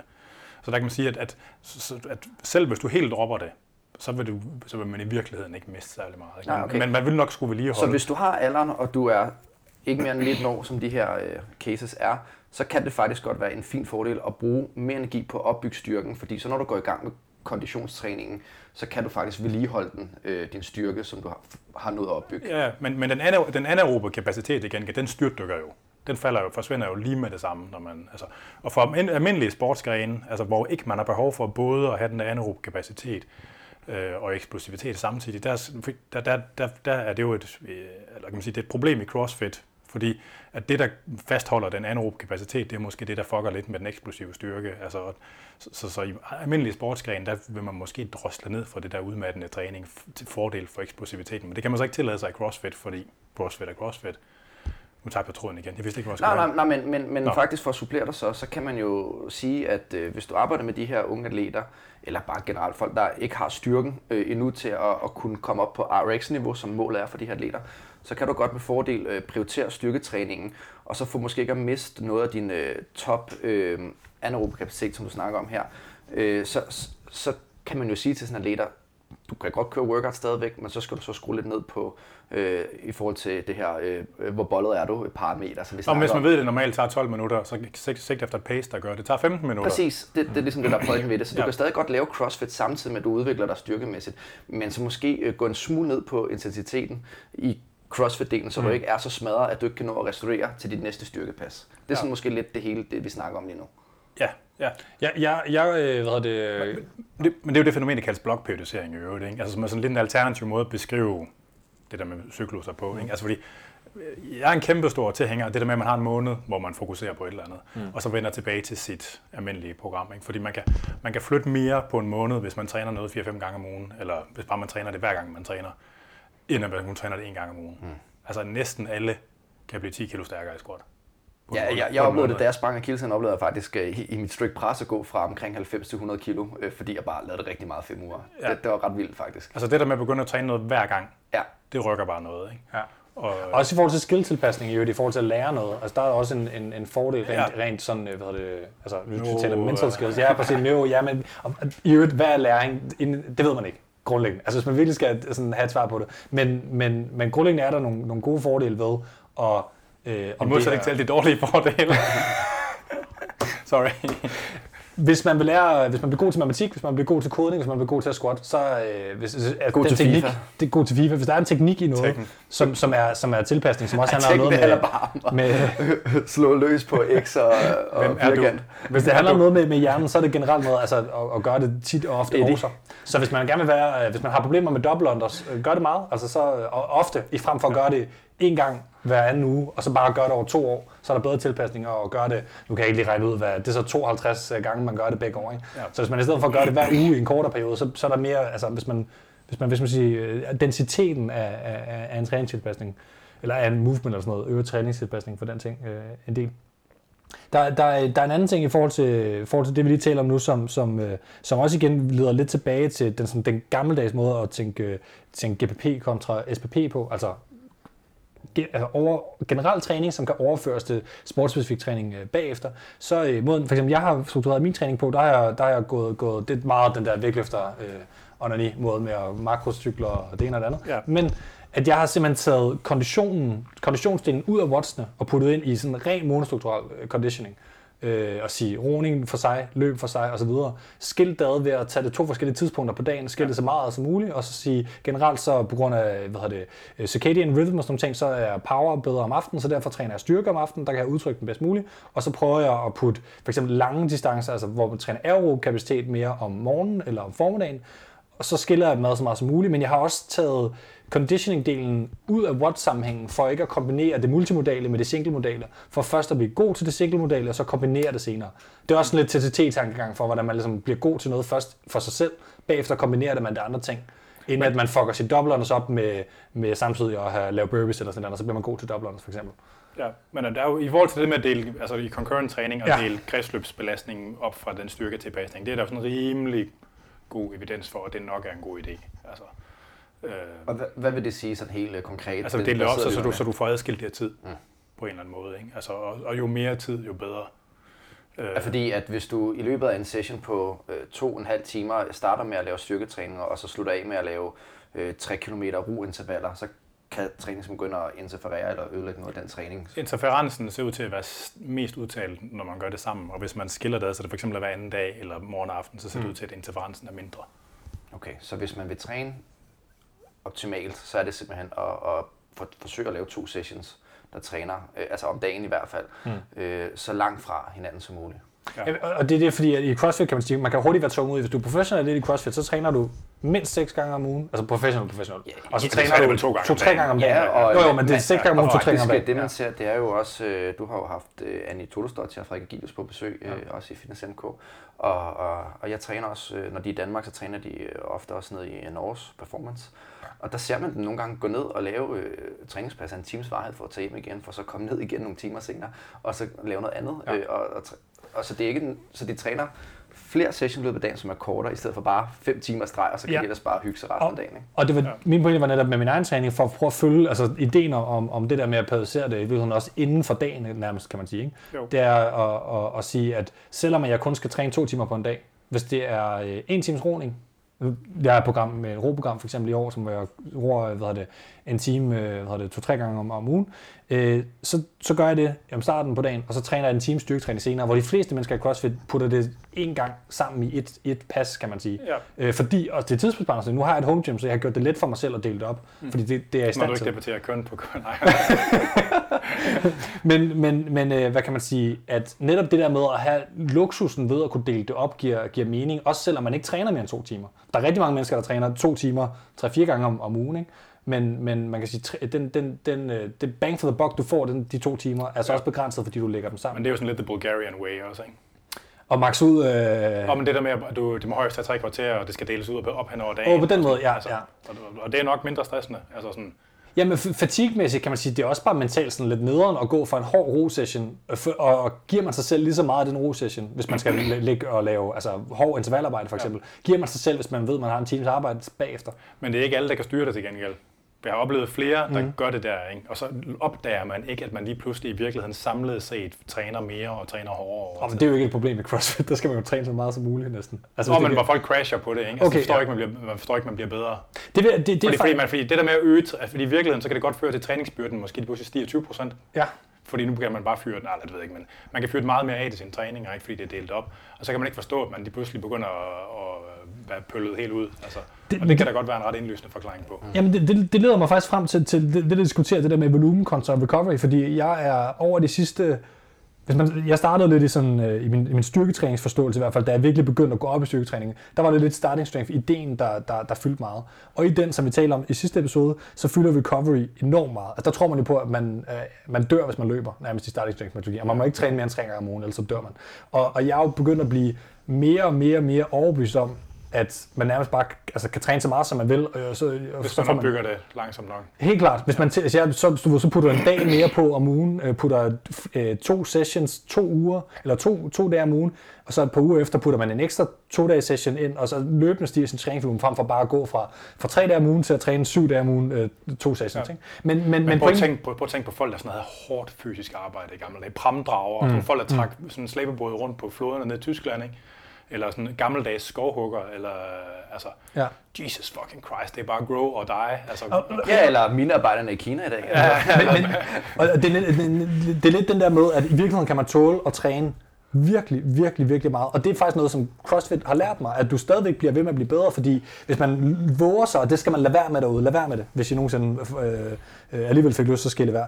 Og hoppe ind på Starting Strength Redditen, fordi, subredditen, for det er det værste sted i verden. Fordi Mark Ribito er jo lidt nar, og han elsker at svine folk, der stiller spørgsmål. Ja, jeg, jeg kan jo godt lide ham på en måde. Øh, Det er ham, der har sådan, lavet Starting Strength. Men, men han... Øh, Jeg kan godt lide ham på en måde. Han, han, udtryk. han sviner jo generelt folk, der, øh, der, der, der siger noget på hans forum, og det er sådan lidt en ting. Han har udgivet en bog, hvor han sviner folk. Det, er en god bog, vil jeg faktisk sige. Jeg kunne godt tænke mig at se Lyle McDonald og ham bare svine hinanden til. Så de begge to sådan relativt, det er en Ja. stor del af deres professionelle karriere. Ja, og tilsvine folk på... Ja, ja, på ja. Men, men, men det jeg vil frem til var bare, at hvis man, hvis man siger noget derinde om, at man kan træne andre ting siden af starting så er det sådan, så, så bliver du ikke lige så stærk. Men, men hvis, man kan sagtens blive virkelig stærk, samtidig med, at man træner en masse andet. Man skal bare være klog omkring, hvordan man gør det. Jo. Så, så, så jeg tror i virkeligheden, det, det, der er, det der er sjovt, det er, i CrossFit er man vant til, at man godt kan træne meget. Hvis du går ned i, i, i en vægtløfterklub for eksempel, så er det også min, min, min, min forståelse af, at de sådan, ah, hvis du squattede i går, så kan du nærmest ikke træne en dag. Nogle steder. Uh, det kan jeg genkende. Jeg tror, at de fleste vægtløfterklubber, der har de en ret god forståelse af, at man sagtens skal squat hver eneste dag. Ja, okay. Det er min oplevelse. Altså, men der kan godt være forskel i kultur. Ja, det er selvfølgelig.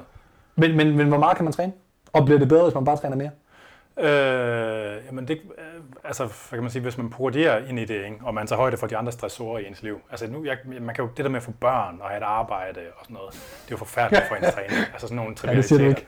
Nå, og, og, og, hvis jeg skal tage mig selv som udgangspunkt, så er der jo sket det i mit liv, at før der havde jeg tiden til to sessions øh, og delte mine sessions op. Nu har jeg tre timer streg. Det er stadig meget sammenlignet med de fleste fædre her. Ikke? Men hvad synes du om din mentale tilstedeværelse, når du kommer til træning? Er den ikke også anderledes?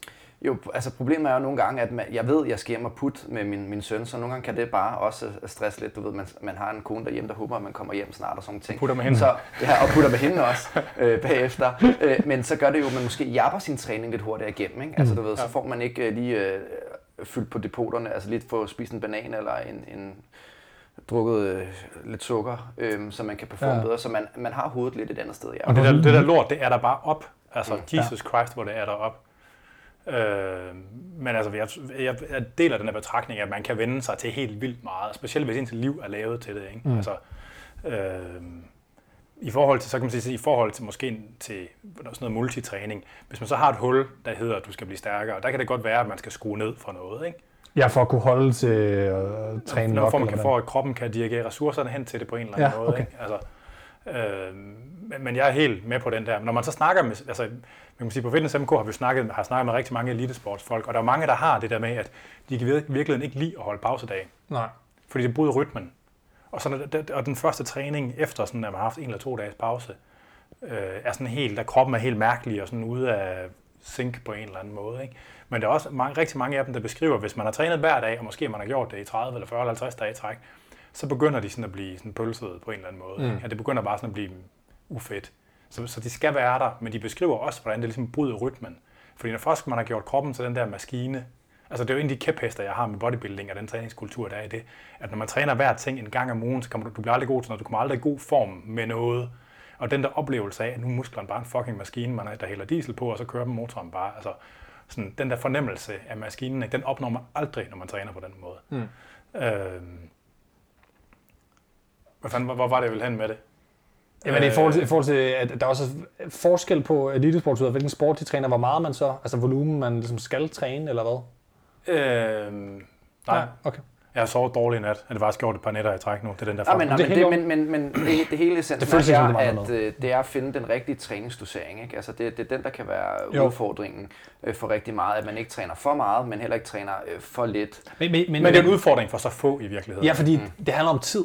Ja. Ja. Altså tid begrænser dig, før du ender med... Jeg, jeg, jeg tror også bare, at hvis man sådan, øh, især hvis man følger sådan styrketræningstanken, øh, tanken, som tit er meget sådan, du ved, hviledag træning, hviledag træning, altså ja. inden for sådan powerlifting, Ja, sådan, ja. så, så, øh, så er der sådan, man er sådan lidt bange for overtræning. Jeg vokset Ja. op med min sådan, træningsforståelse, hvis man har læst øh, motionen online og alle de der steder Ja. og sådan noget, fra, fra, fra da jeg begyndte at træne, og inden jeg begyndte at gå rigtig op i det, jeg selv opsøgte nogle, nogle mere ordentlige kilder, så var det sådan, du ved, "Ej, hvis du, ikke, hvis du træner for meget, så bliver du overtrænet. Og det er sådan Ja. en, en, en, en frygt, der hænger over en. Men hvor- den, den, den stammer fra fitness bodybuilding miljøet, den der. Jamen det kan jeg forestille Det mig, det, f- fordi at i- efterhånden så er jeg bare blevet, altså hvis man kigger rundt på, altså svømmer og træner også sindssygt meget for eksempel. Ja, selv nogle af dem der, der fucking, der kan blive nummer 14 til DM. Ja. Altså, der er bare børn på to år, der træner 20 gange om ugen, stort set. Men de træner jo, altså svømmer og træner, de ligger jo der i vandet og kører baner 20 timer om ugen. Ja, altså, ja. det, det er helt, Selv nogen, der ikke engang bliver Ja. Danmarksmester eller Så- har udsigt til det. Så jeg tror bare mere og mere, jeg kommer over i den boldgade, hvor, det bare- hvor det bare hedder, altså det handler mere om, at du ikke træner nok, hvis du ikke har træningstilpasninger generelt. Ja.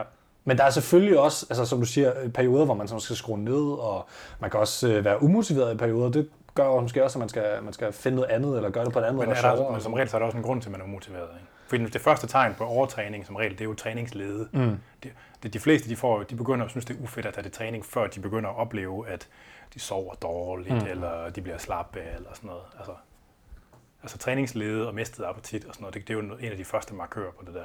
Men det er bare ikke et problem for almindelige Nej, mennesker. nej, nej, nej. Altså, og, og, det tror jeg generelt, der er rigtig mange, der går, og så, det, man hører bare tit det der sådan, ah, men du ved, så bliver man overtrænet. Man skal passe på. Sådan, Ja. Men altså, hvis, hvis man træner, altså, hvis man træner almindelig crossfit, ikke? ja. Som den der motionist, der træner tre, tre, lad os bare sige tre gange om ugen, ikke? så vil jeg jo sige, at, at den, den del af sekvens af træning, som det hedder, sådan, der hedder skill work, ikke? hvor jeg, jeg tænker styrketræning faktisk som skill work også, for jeg tænker på styrke som en færdighed. Mm. Så, så det, kan man sige, det, man laver først i sin træning, det er det, der virker bedst. Mm. Det er der, man får de stærkeste tilpasninger. Så vil man identificere sådan, i forhold til sådan normative data på, hvad man skal kunne forskellige steder, hvad er det svage punkt, og putte det ind først. Når man så skal til at progredere til den fjerde træning, så skal man måske tænke over, at så hedder det måske to træninger med fuld skrald og to træninger altså den ene af dem, den skruer man ned for intensitet, mm. og den ekstra, man putter på, mm. er også. Og når man har vendt sig til det, så kan det hedde høj, høj, medium, lav, eller høj, høj, høj, altså hvad fanden det nu er, ikke? Øhm, sådan så at, altså fordi bare det at smide en træning mere på, hvis man går fra 3 til 4, det er meget. Altså det er jo en, relativt stor, en enorm stor relativ forskel, og det er jo det mm. første sted, fald, man skal tænke på det der med at skrue ned. Det var det, jeg ville have sagt før. Ja. Altså, at, at der, skal, det, der skal man have sådan en lettere træning, det skal man have. En indgangsvinkel til at træne om reps, det talte vi om, vi gerne vil tale reps, øh, loading, intensitet osv., hvordan de hænger sammen. Øh, en indgangsvinkel ind til det, det var lige at kigge på øh, en ting, som er blevet sådan større øh, de sidste tre år i hvert fald, hvis man føler sådan det, det topniveauet i CrossFit, det er øh, hypertroficykluser og ideen om at bruge det, ligesom at man træner aerobisk kapacitet og, og som grundelement i sin, sin, sin fitness, hvad skal man sige, øh, øh, tilpasning, og så, og så ligesom skruer, jo længere man kommer tættere på, man kommer på konkurrence, hvor man skal bruge det anaerobe, jo mere det fylder i træningen. Det er vel styrkecykluser.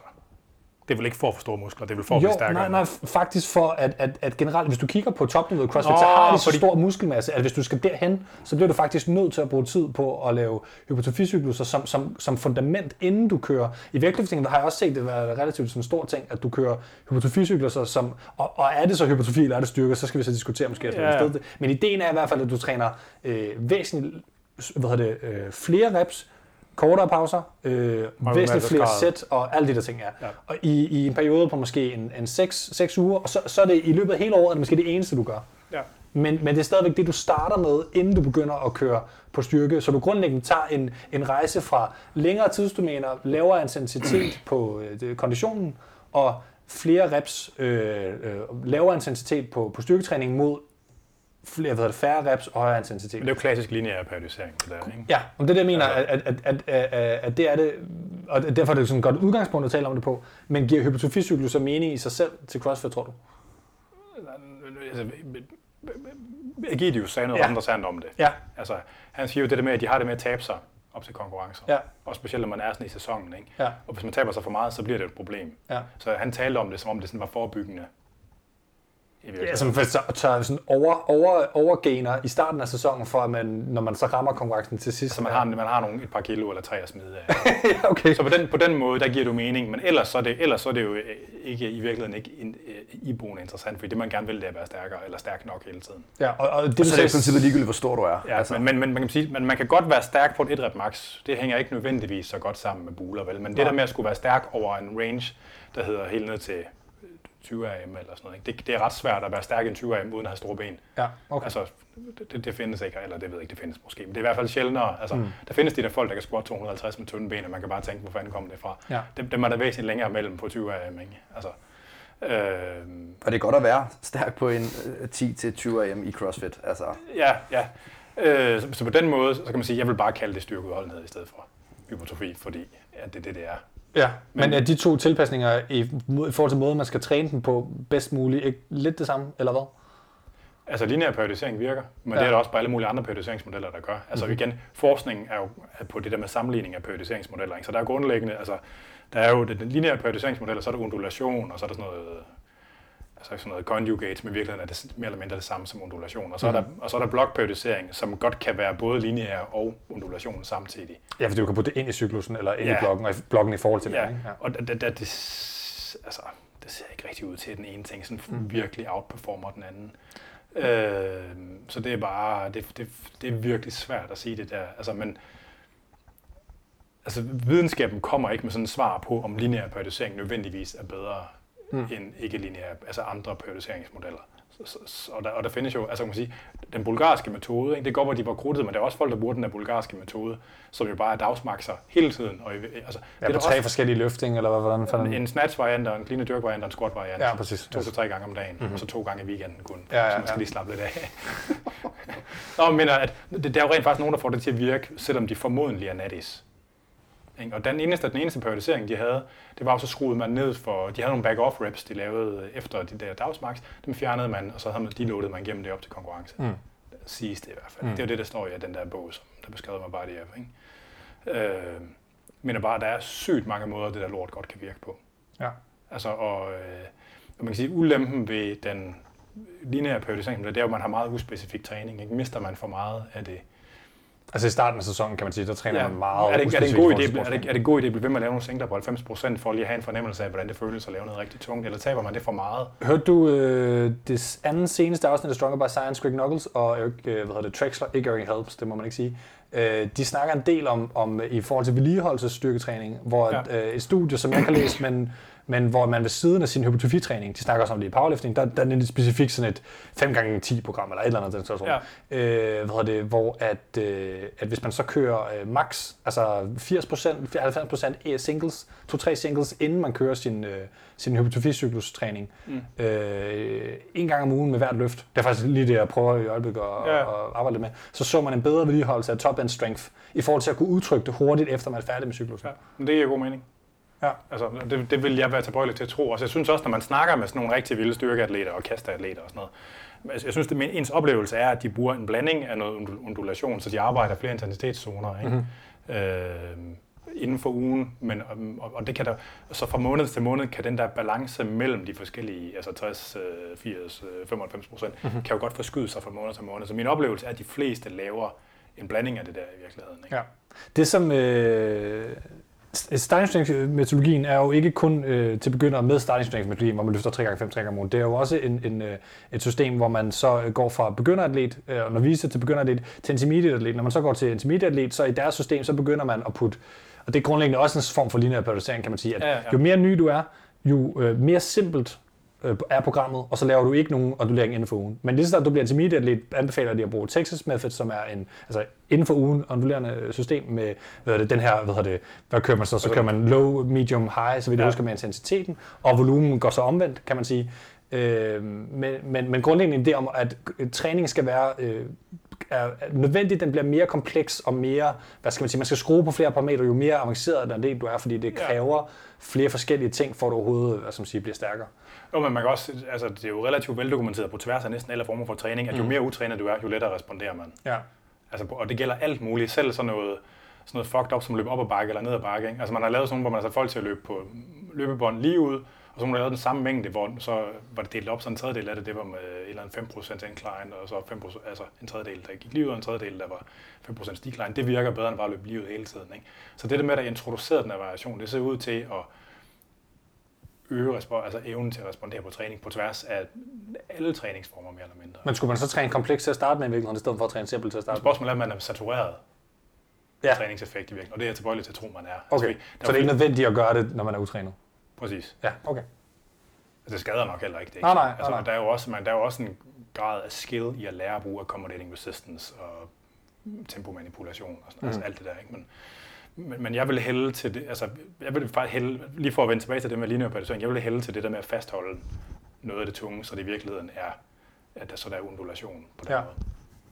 Men, Fordi det er en skill i styrke, altså styrke er en skill. men, men, Men men altså sådan, så helt forsimplet til dem, der lytter med, det er, at man må gerne have en variation i forhold til, at man kører nogle få reps på meget høje procenter, men man også kører altså få reps til sådan noget 1-3 reps, tænker jeg, øh, men på, på de høje procenter. Og så nogle, øh, hvad hedder det, gange om ugen, hvor man så måske laver øh, 4 gange øh, 10 reps øh, på lavere procenter. Altså hvis, også, hvis man gerne vil, lave, vil gerne have sådan lidt gimmick i sin træning, der er jo hele det der post-tetaniske potentiering. Altså det, kan, det kan faktisk godt være nogle gange, at det er lettere at lave sine høje ripper efter det tunge, så man kan blande det lidt sammen på ja, den måde. og det talte, ja, lige præcis den episode talte de også om det, Greg Knuckles. Ja. Ja. Men, men, men, Så, så pointen er at lave begge Ja. ja. ting. Ja, men, men, men mit, mit spørgsmål er så, om det overhovedet giver mening at lave andet end sådan det der normale robotsarbejde, som i CrossFit er man meget vant til at arbejde på, på femmer for eksempel. Ja. Det er sådan meget 5x5 og 3x5 i starten, det er det mest sådan normale. Er der overhovedet nogen grund til at gøre andet end det? tænker jeg bare et eller andet sted. Altså, ja, hvis man skal, hvis man skal vende sig til at lave ener, men er der nogen grund til at lave 10'er gerne, du, og vil gerne, 20'er? du vil gerne have forskellige... Det, det er der, men man kan nok godt få den samme effekt som at køre 10'er, bare ved at tage kortere pauser på din 5'er og lave det som klostersæt i virkeligheden. ikke? Okay. Men det, der, er ikke rigtig, der er næsten ikke lavet noget forskning på klostersæt. Nej, og det er også øh, lidt nyt i powerlifting, hvor jeg, man kender det jo meget fra CrossFit med altså, decideret, altså, hvor man laver øh, hvad hedder det, jerks og back squat, altså hvor det rent faktisk, hvor man Ja. ikke smider barn, men det der nye med meget korte pauser, uden at, altså, Ja. Og men der, der er jo, det, det er jo også en skalering, hvornår det er en pause, og hvornår det er et klostersæt. Ikke? Men for eksempel, for eksempel, hvis det hedder, du skal lave en 5 hvert minut, ja, så kommer man til at have en eller anden 30-40 sekunders pause. ja, det er meget CrossFit-agtigt, det der. Men det, det bliver jo virkelig ret bodybuilder-agtigt. Det, det er minder jo lidt om at lave 10'er. Ja, men det er vel derfor, at CrossFit der ligner bodybuilder en lille smule. Men, måske. Altså i forhold til, at man, man har rigtig meget arbejde uden så meget pause. Det grundlæggende, det er altså lidt ting, du har ret, Men der skal være nok pauser til, at man stadig kan lave noget, der er tungt nok til, ligesom det driver i musklerne. Ikke? Yes, yes, yes. Og der er jo sådan en grænse lige omkring det der. Ja. Nu, øh, Ja. Jeg er en halvgammel mand, og det betyder, at jeg skal pisse nu, og jeg har drukket alt for meget kaffe. vi, lad os holde pause. Mit navn er Julie Hårgaard, og du lytter til CrossFit Ministeriet. Mit navn er Claus Ugerhøj, og du lytter til CrossFit Ministeriet. Den er nu, vi kører. Vi er tilbage, og øh, Vi har Og- fået tisset af. vi har fået Åh, tisset af. Jesus, det var glorious. Lidt, sikke lettelse. Ja, men det var dejligt at høre på jer andre tis. Det synes jeg var bare super lækkert. En, en ting, jeg lige øh, vil spørge dig om, øh, Anders, som, som jeg øh, fangede for nylig, det var, at, at de studier, der sammenligner forskellige øh, trænings, øh, hvad skal man sige, øh, mikrovariable og deres, deres øh, påvirkning, træningsprogrammer osv., er generelt, som vidt jeg forstod det inden for litteraturen, øh, loading eller tonnage, øh, hvad skal man sige, øh, kalibreret. Så, Ja, så man, to man, man forsøger at sammenligne på et eller andet, man forsøger at normalisere for en eller anden. Ja, normaliseret, det er det ord, lidt efter, ja. Præcis. Men er det ikke lidt et problem? Jo, det er et kæmpe problem. Det er Ja. et helt sindssygt kæmpe problem, fordi et sæt på... Man kan jo ikke tælle kiloene sammen. Altså man kan ikke sammenligne det for kilo, vel? Fordi der er jo forskel på, om du har lavet en 10'er på 50% eller en 10'er på 70%. Ja. Ikke? Altså, Ja. du, du kan lave mange, mange flere 10'er på 50%, end du kan på 70%, for hvornår tæller de lige meget på restitutionskontoen? Ja. Altså grundlæggende så findes der ikke nogen måde at tælle træning sammen på, der er meningsfuld. Nej, og det jeg tænker er mere sådan implikationerne for og, øh, forskellige former for, for træning, kan man sige. Så, så hvis du skal sammenligne et hypotrofiprogram, hvis man kan kalde det det i anførselstegn, Ja. med 5x10 med relativt kort pause imellem. Det vil være sådan en grundform at lave et hypotrofiprogram på, eller hvad? Det er sådan min tanke. Jamen, Der er jo mange måder. Altså nu Ja. der er jo klostersæt, der er jo myoreps, som er et andet take på det, som Ja. er meget sjovt. Ikke? Altså hvor man, i myoreps, der går, arbejder man til udmattelse, Mhm. og så laver man ligesom øh, ekstra gentagelser meget kort tid efter. Så man har en masse, altså de tæller effektive reps, det er dem, hvor du er tæt på udmattelse. Ja. Så dem, der bliver lavet med en høj RPE eller en lav reps in reserve, Mm-hmm. de tæller det, det, det de kalder effektive reps. Ikke? Der er jo nogen, der tæller effektive sæt også. Mm. Altså der er jo noget, der er jo rent faktisk altså, en del forskning, der tyder på, at du får cirka lige meget muskelvækst ud af, om du laver 5 gange 6 til udmattelse eller 5 gange 12 til udmattelse. Mhm. Det gør cirka det samme. Ja, fordi intensiteten skal jo være der efter, fordi den... Selvom der, selvom der er næsten dobbelt så mange kilo i den ene, altså, Ja. eller ja, der er sikkert 70 procent flere kilo i den ene. Ikke? Altså, altså, så, så spørgsmålet, det der med at normalisere, det er altid et problem, fordi du kan ikke kun, kun ændre på én ting. Du kan ikke kun ændre på intensiteten. Du vil altid ændre på udmattelsesgrad, eller løftehastighed, eller et eller andet, Mm, mm, andet mm. samtidig med. Så det er et kæmpe problem. Og der er, ikke nogen, der er ikke nogen, der har en god løsning på det. Som jeg oplever det i hvert fald. Altså, du, skal man tælle time under tension? Skal man tælle kilo? Skal Mm. man tælle sæt? Skal man tælle gentagelser? Skal man tælle gentagelser gennemført over en vis procentdel? Eller skal man tælle gentagelser baseret på, hvor langt fra failure de er? Altså hele det, det er jo effective reps ting. Altså, øh, Men, men det, det, det grund til, at jeg tænker, at det er et problem, er fordi, at øh, det, som, det, som jeg sådan, på, på det sidste i hvert fald mere med at høre, det er, at, at generelt så skal man træne relativt højfrekvent og relativt høj volumen, altså også øh, af forskellige øvelser, hvis man virkelig vil have noget bang for the buck og, ja. Og have gode tilpasninger. Og man Ja. kan sige, hvis du, hvis du loading normaliserer forskellige ting, så er det jo svært at sammenligne den slags ting med øh, højintens øh, singles, fordi du laver bare virkelig meget træning på den ene form, fordi kiloene bare stiger så hurtigt. Ikke? Ja. Så der er jo sådan en balance mellem det, i forhold til, hvor meget man kan løfte. Hvor Men mange antal af effektive, hvis man så skal følge myoreps, Ja. ja. det er jo ham, der fakker lige fra Norge, der har fundet på det, så er antal effektive reps er jo tæt på det samme. Ja, hvis man måler det på den måde i stedet for. Ja. Okay. Men, men, men der er ikke nogen tvivl om, at hvis man siger 5 gange 10, Mm. det vil nok, og 5 gange 8, der er nok ikke nogen forskel i hvor meget. Hvis man siger, at det hedder 5 sæt af, 5 sæt af 10 gentagelser udført til udmattelse eller nærudmattelse, mm. det vil nok virke en lille smule bedre på muskeltilvækst, end 5 gange 5 vil. Hvis så går ind til 5 gange 3, 5 gange lige pludselig, så falder muskeltilvækst tilpasning. Så, så bliver det alligevel for lidt. Ikke? Mm. Så selvfølgelig tæller antallet af reps og antallet af kilo løftet også på en eller anden måde, men der er bare ikke nogen god måde at sammenligne det på. Mm. Altså jeg bruger selv det, at jeg bruger rigtig meget det der RPE, eller jeg bruger så reps and reserve, fordi det er lidt mere deskriptivt, øh, og intensitetszoner Mm. øh, på, det, på, altså på sådan noget support-arbejde. Ja. Så man arbejder ved, lad os sige 70 procent, og du skal lave noget, der hedder en reps and reserve, ikke? Ja. For x antal sæt, eller hvad det nu er. Altså det er den måde, jeg bruger det på. Altså, men det er også svært, fordi der er nogle folk, de vil gerne have det styret. Altså du, du- jo skarpere du, altså, hvis, hvis du køber et træningsprogram af Anders Trust, der står der sikkert 4 gange 10 af et eller andet, du selv bestemmer. Ikke? Mm-hmm. Og, altså, og der, de er pisse med hastigheden, de er pisse med, hvad tung vægten er, det skal bare føles som noget, der sådan er hårdt. Ikke? Ja. Uden de jo specificerer, at det skal føles. Altså sådan, så, så du kan, du kan, hvis man, hvis man var sådan, hvis man gakkede helt ud, så kan du hedde 4 gange 10 ved ens øh, 13 RM i et tempo, der hedder 3 1 1 1 1 med øh, 60 sekunder. Meget styr, ja. Altså du ved, så, så det kan blive... Og, og der er jo også der er jo hele det compliance-problem. Yes. Også at folk skal... Altså man, man får lavet mere af den træning, der man har det sjovt med at lave. Ikke? Og der er meget forskel på, hvor, hvor styret folk har det bedst med det. Altså, det er, altså, øh, nogen vil gerne have det styret hele vejen igennem, hvor det hele er... Og nogen kan slet ikke lide det styret. Ikke? Og de fleste vil have en eller anden blanding. Jeg har lige en hurtig afstikker der, fordi at en ting, som, som har altså, revolutioneret min træning for mig, det var, da jeg startede med at lave planlagt progression i min vægt på min styrkeløft, øh, Ja. frem for at lave fili-fili, øh, hvad progression-agtigt eller andet. Ja. Øh, det, er jo- det er jo igen, altså det er jo en af grundene til, at jeg er med at blive så glad for for, fordi det grundlæggende, det jeg virkelig tager med fra det, er bare ideen om, at hvis man, øh, hvis man øh, hvad det, ved, hvad man skal løfte, og ved, hvad man skal løfte næste gang også, og det ikke er noget, man selv har indflydelse på, og man ikke går og tænker, ah, kan jeg løfte mere, kan jeg løfte mindre, men mere ja. Bare øh, bliver tvunget til at løfte, så på et tidspunkt, så, så lærer man i hvert fald at arbejde, når det gør ondt, og når man ikke gider, og når man er træt, og når man er syg, og ligegyldigt hvad, og, øh, og, og man bare lærer at arbejde. Det er i hvert fald noget, der er værdi af. Ja. Så kan man sige, så at i forhold til, at man virkelig skal træne klogt, så er AP, eller RIA er også mere, mere tilhænger end AP. Øh, når man er, ved, hvad man laver, når man træner, og man har et par års erfaring, så er det måske virkelig, virkelig altså, den bedste måde at træne på. Men, men ideen om, at man ligesom ikke skal, skal gætte sig til, hvor meget man skal arbejde. Man er forpligtet. Man er forpligtet. Det er rent motivationsmæssigt. Hvis man kan tåle det, hvis man, hvis man gider blive ved med at arbejde, så tænker jeg i hvert fald, der er noget, noget værdi i. Og, og Men det er jo en mental ting i virkeligheden. Ikke? jo, men jeg, jeg synes jo, det, det, som jeg fortalte om sidst, jeg synes, det har trænet mig meget at se, at jeg, da jeg troede med min øh, 3x5, 3 gange om ugen, hvor man øger 2 kilo hver gang, da jeg begyndte at tro, nu kan jeg ikke løfte den, i, når jeg skal løfte Så var der aften. 10 kilo mere, eller 15 kilo mere alligevel. Ja, så gik der en del uger, før jeg begyndte, altså, fordi jeg endte faktisk med først at fejle så 15 kilo senere. Ja. Så man kan sige, hvis jeg var stoppet med at træne der, da jeg troede, det var hårdt, og det var nederen, og da jeg ikke kunne mere, øh, så var jeg jo virkelig nået meget kortere, Ja. end, jeg egentlig, end jeg egentlig kunne. Det er måske også fordi, at, at det så var noget, specielt squattet gik godt og sådan, så det, det virkede for mig. Men det er jo også det, som VSB kunne, for eksempel. Det, men det er jo nok ikke særlig mange crossfitter, der bruger. Men der skulle man jo Ja, op, ja. og, altså, der skal man jo maxe. De har sådan en max effort, ikke? så Ja. du, skal op og, du skal op og maxe en gang om ugen i en squat eller dødelsvariant og en bænkpres variant Ja. hver uge, og man skal maxe. Antal reps eller antal... på, altså typisk på en etter, men altså, det er jo så blevet modificeret til en 1-3'er. Ikke? Ja, Men okay. man skal op og max, og man skal slå det, man lavede sidst. Altså den der slags mental grit, Yes. der ligger i, at man er forpligtet. Det- Det gør jo, og det er jo også en ting i virkeligheden. Ikke? Øhm, men spørgsmålet, altså så kan man sige, det, det er jo ikke alle, det er lige velegnet for. Der er, jo- der er jo nogen, der har brug for at lære fucking at stå sammen og gå ned og smadre sig selv. Ikke? Lige i det, altså bare at tage sig selv helt vildt seriøst lige i de der fucking 30 sekunder, det står på. Ikke?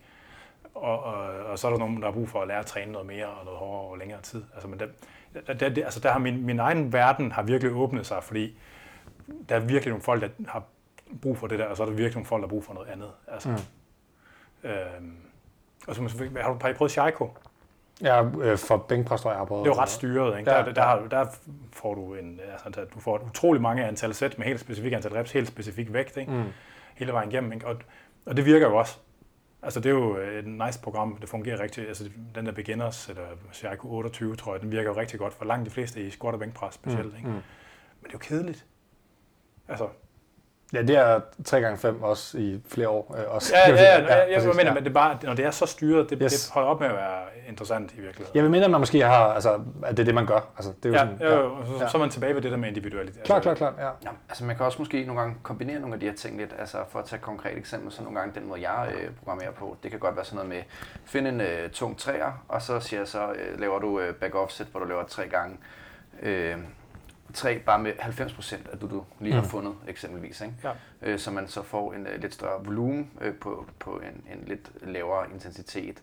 Øh, så man har været op og, og testet noget max, men så kan arbejde med lidt kvalitet bagefter, øh, Mhm. mindre load. Ja. Altså, jeg er jo super stor fan af de her loading-cykluser. Sådan 3 til fire uger med 4 til seks ugentlige træninger af en bestemt ting. Ja. Altså det egentlig startede oprindeligt med inspiration for sådan noget smålov-agtigt noget. Yes. Ikke?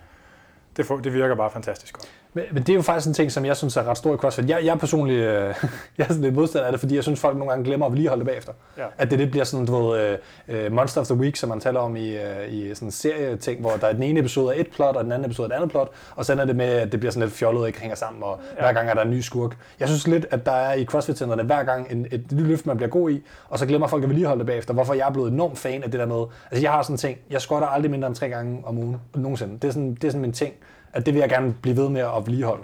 Ja. Og så gør det relativt, altså aldrig rigtig, øh, gør det relativt let, øh, altså så der er altid noget intensitet på, øh, og så skruer jeg bare på volumen og forskellige andre ting og sådan noget, for at sige, at, at mit squat skal aldrig være, altså det er sådan det, jeg har valgt at sige, at, at det vil jeg ikke øh, give køb på, hvor at jeg synes, at nogle crossfitter virker som om, at så squatter de nærmest ikke rigtig tungt igen i flere måneder, fordi det er noget andet, der ligesom bliver... Og så kan man blive ved med at lave de der loading så er rigtig at blive god, Jo, jo. hvis det giver mening. Så er det sådan op ad pyramiden Ja, ja. og så ned igen, ikke? Altså hvis man går tilbage til at træne det en gang om ugen eller en gang hver anden uge, så vil man selvfølgelig tabe næsten det hele igen. Ikke? Jo, men man kan vedligeholde det nogenlunde ved at, at, at, træne i hvert fald en gang om ugen i et, Ja, et, men jeg, væsentligt der kunne jeg godt tro, der måske skal mere til efter en loading-cyklus faktisk. Okay. Det er jo sådan et, et lidt abnormt stimulus, der er en periode. Ikke? Ja. Ja. Hele udfordringen er jo, at man så piker lige pludselig efter de her 5-6 øh, uger, Ja. og så øh, hvordan kan man så øh, bygge videre på det, fordi man kan jo ikke blive ved med at lave en øh, Smolov-cyklus uge efter uge, fordi Nej. så eksploderer man jo på et tidspunkt. Ja. Men, men, men jeg tænker bare, at det virker som om, at folk også på topniveauet i CrossFit alligevel altså, aldrig rigtig squatter mindre end x antal kilo. Altså det er som om, det vedligeholder nogenlunde. Jeg synes, det er som om, at når først man brudt igennem en mental barriere, hvilket så er en god ting ved låtecykluser. Altså det er også nogle gange, er du bange for 200 kilo på stangen eller ej? I forhold til squat for eksempel. Ja. Når først du har løftet den en gang, så ved du, at det kan lade sig gøre. Vi kan bare se altså på alle de der barriere, som er lidt forestillet. Du ser, at når folk løber maraton eller folk løfter og sådan noget, alle kan lige løfte 200 kilo, men lige 201, det er lidt svært. Der er, der er sådan en kunstig barriere, hvor du ser statistisk, at folk øh, ligesom øh, kloster sig omkring nogle ting, hvor det, ikke, det burde ikke være sådan. Er det, ikke, er det ikke mere mellem 199 og 200, end mellem 200 og 201? Jo, det, undskyld, det er faktisk det bedre eksempel. Man skal sige, at, at, at, at det netop er inden barrieren, at folk ikke når igennem. Ja. Det var mig, der lige uh, sagde det forkert. det, den der barriere, du ikke har nået endnu, altså de 200 kilo Hold squat. kæft. Vi havde sådan en lille konkurrence om, hvem der nåede det først. Det gør jeg så. Ej, jeg lavede en, en femmer på 184, men altså aldrig øh, en ene på 200. Ja. Hvor meget var du? Øh, på det tidspunkt var jeg 89, tror jeg. Og du er endda også en long shanks. Ja, det var low bar, Ja. vil jeg så lige sige. Ja. Ja, mit var high bar. Ja. Det gør en forskel, har jeg fundet ud af. svin. Nej, så tykker jeg ikke. Jeg tror, jeg vejede 93, da jeg gjorde Det det. siger du, honey monster. Men, men apropos, det er faktisk en sjov oplevelse, jeg havde, hvor altså min femmer på 184 svarede jo til, hvis du laver de der en af dem, til sådan 220 kilo næsten en af dem, eller sådan noget. Men altså, jeg, ja, men du skal huske på, Ja. der findes jo alle mulige forskellige formler til det der. Ja, men jeg, jeg, har, jeg har faktisk fire i mit eget regneark, hvor, hvor de lidt forskellige. Nu var det, nu var det, hvad fanden var det, jeg, var det æbleformen, jeg brugte til det, tror jeg? Jeg kan sgu lige huske. Men under omstændigheder, min pointe var bare, at 196 lavede en ener på ret let. Puttede 200 kilo på stangen, bum, det kunne jeg slet ikke. Der var sådan en eller anden barriere, og jeg tror meget, det var mentalt i forhold til opspændet i bunden af løftet faktisk. Fordi jeg smed den på vej ned. Okay. Altså, jeg, jeg, jeg bailede ud af den, jeg havde ikke spotter eller Jonas, noget. det er okay. Det her, Nej, men jeg, vil- nej, nej, men, Det er vigtigt for ham. Nej, men det jeg vil sige, det var mere i forhold til det med færdigheden, er, at det, det, det er min oplevelse med en af i squat, hvor jeg havde faktisk en barriere på 180, hvor jeg lavede en 5 på 176, men ikke kunne lave en 1 på 180 en periode. Ja. Det lyder vildt, ikke? Men okay. pointen med det er bare, at jeg oplevede virkelig, at det der med at lave enere, var netop rigtig meget en færdighed. Og det handlede rigtig meget om opspænd, og lære at og ligesom tage den ned i hastighed og, og lande den i, i, i bunden, og så tage den op igen. Og det var faktisk det, jeg havde svært ved. Det var ikke at løfte den i sig selv, der var svært. Øhm, det var bare for at den der færdighedshistorie, kan man sige. Ja, ja, ja. Hvor jeg tænkte, jeg begyndte, jeg begyndte at træne og lave singles faktisk for at blive god til det. Og det hjalp mig øh, op til, at, til at Ja. komme op. Der var også på et tidspunkt, der var det der Doc Hepburn, det var også meget populært. Øh, som var sådan noget incremental progression, hvor man lavede singler, og så 5 gange 5 bagefter. Så lavede man 5 til 8 singler, og når man kunne gennemføre alle, alle 8 singler, så øgede man vægten med 5%, og så skulle man lave 5 igen, eller sådan et eller andet. Mm. Men det er ret hårdt at lave 5 til 8 tunge singler, og 5 gange 5 bagefter på, jeg tror på 80%, altså Og det lyder noget. der er man sådan træt bagefter. Ja. Ja, nå, det var, Og men det er jo igen en sjov måde øh, at snakke omkring øh, træningsprogrammering på, hvor forskelligt det kan være, ikke? og de tilgange, man kan have til det på. Øh, men, men essensen i det hele er jo også, kan man holde til det på sigt? Altså, mm. Og det kunne man måske ikke på den øh, version, du snakker om der. Ja, ja, jeg har Altså, hvis man kigger på smålår og sådan noget, der minder om det i squatting, der er jo sygt mange, der bliver skadet. Altså, jeg har prøvet det tre gange, og mm. min lyskær stod en gang, og jeg har fået sådan en skade i nakken af alle mærkelige steder. En, en gang er det også. Ja. Og det er jo, og der- skal man bare huske på, når man laver sådan noget loading noget, det, det, det, der skal man være i god form helst. Altså, ellers så... Ja, så bliver man nok også nødt til at skrue ned på andre parametre i CrossFit, for eksempel. Ja, ja. Når ja, man træner concurrently, som, som, som man gør i det ja, omfang. ja. Øhm, I forhold til, til, vi har ikke snakket så meget øh, kondition, det synes jeg lige, vi skal nå lidt mere rundt om, men jeg har, jeg har i hvert fald umiddelbart for, for, på min liste et sidste styrkespørgsmål. Det er til accommodating øh, resistance. Ja. Nu vil jeg for en gang skyld ikke fortælle, hvad Stronger by Science lige har for nylig synes om det, og i stedet for bare at høre, hvad du synes. Jeg vil tro, at de synes godt om det. Nej, de hader det. De Nå. siger, det virker overhovedet ikke, faktisk grundlæggende. Okay. Dækker det både kæder, elastikker og... Kæder og elastikker til accommodating resistance, ikke til øh, sådan, du ved, aktiveringsting i forhold til at lære at aktivere nogle andre ting, Nej, og ikke til du ved, prehab og sådan nogle ting, men grundlæggende til at blive bedre til styrkeløft. Det er så selvfølgelig også øh, lige den, øh, den, man skal tage. Og grunden til, at de siger det, øh, hvad det den, den sådan ting er, at de snakker om, at i Westside, der har man brugt det, fordi det, ligner forskøffen i at løfte med dragt. Ja. Men grundlæggende er øh, deres øh, take på det, at hvis det er sticking point, der er det svære, så hjælper det ikke at træne accommodating resistance, Nej, fordi det det handler om... det fjerner stikking pointet, eller Præcis. flytter det for meget. At, øh, ja. Ja, fordi forskellen ligner den ikke, plus at du så også ender med for eksempel, at du overloader et andet sted end sticking point. Det hjælper dig ikke i, at det er sticking point, der er svært. Nej. Sticking point for eksempel squat lige efter parallel, hvor man er på vej op, øh, og i, øh, lige fra, fra, fra gulvet for de fleste på, på, på dødløft, eller lige omkring øh, under, under knæet. Ikke? Ja, altså det er jo ikke, altså, Ja. kan man sige igen, man skal altid huske på, at når der er, når der er noget træning, der er justeret på en eller anden måde, så skal man Mm. altid tænke på, om det sker på bekostning af noget andet træning. Ja. Og det, det gør det jo med sådan noget, ikke? Så det er ikke noget, man bare kan putte oveni. Sådan. Nej. Men det som jeg, altså, der er noget litteratur, der siger, at det kan noget. Ja, hvad, hvad, hvad kan det så? Øh, Og hvilken del af det er det? Jeg tror faktisk, i forhold til muskelvækst, så tror jeg nok, der er en lille... Altså, man kommer gennemsnitligt til at lave mere arbejde per gentagelse. Der er jo en stor del af bevægebanen i flere løft, hvor man er meget, meget stærkere end hvad... Ja, så man spilder noget range of motion på ikke at lave så meget arbejde i nogle løft. Ja, altså, der, er jo nogen, der er jo nogen, der kalder det øh, sådan biomekanisk kongruens. Altså, så man kunne lave en, man kunne i princippet, sådan kan man ikke i virkeligheden, men man kunne godt forestille sig, at man kunne lave en kurve over, hvad de eksterne momenter er Mhm. mm-hmm. over ledene gennem bevægelsen, og så hvad den kraft, man kan lave i forhold til det moment. Ikke? Mhm. Og hvis, hvis, øh, og hvad kan man sige, hvis øh, det eksterne moment det bliver større end den kraft, man kan lave, så, så er det, det er jo der, hvor man vil have et sticking point ikke? og miste sit løft i virkeligheden. Ikke? Men- Men hvis, den, hvis, det, hvis kraften er meget højere end, den, end, end momentkurven, end det, der af løftet, ikke? så går man i virkeligheden spilder noget arbejde, man kunne have lavet per gentagelse.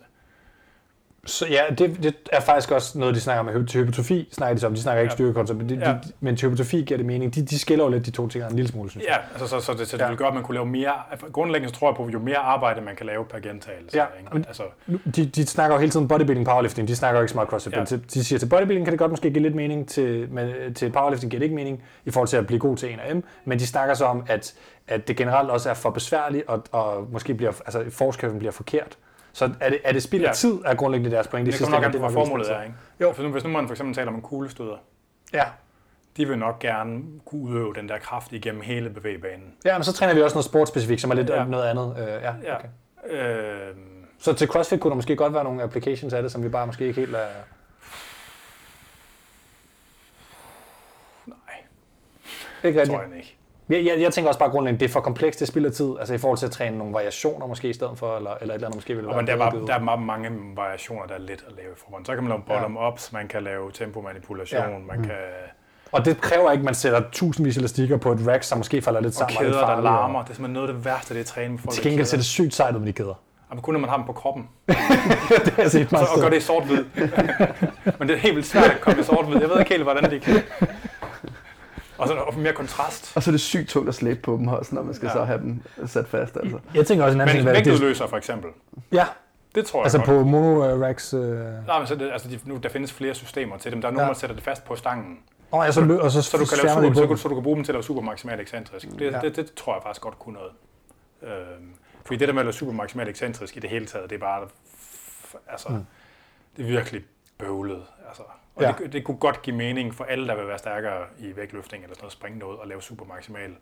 I CrossFit ville det være, eller et normalt CrossFit, CrossFit center ville det være svært, hvis man skulle have to-tre mennesker stående på hver Ja, ja. side af baren og holde den øh, på vejen. Ja, ned. det, bliver, det vil være Ja. forfærdeligt, ikke? Altså, men der, nu, der, nu findes der faktisk nogle maskiner, der kan gøre det efterhånden. Okay.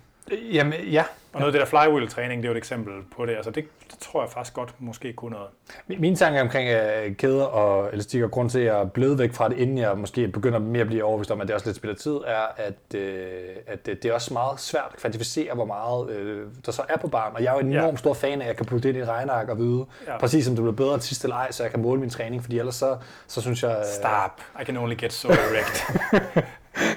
Og det er mit problem, jeg har med det, fordi du, det, altså elastikken har jo en ændret, hvad skal man sige, træk, lige hvor Ja. langt har den strukket, og, øh, og kæderne, så skal du veje dem, og hvor meget øh, af kæden ligger på jorden, så ved du ikke, hvor meget der er på barnet. Det, puha, så skal jeg ikke tåle. Jeg vil gerne vide, min, min, min skiver, at der står det rigtige tal på, og at de er inden for øh, vægtafvielsen, der må være, og jeg kan vide, hvor mange der er på. Vejer du dine skiver? Jeg har købt skiver inden for, øh, inden for hvad hedder det, altså kon- konkurrenceskiver, så jeg ved, at de er inden for grænsen.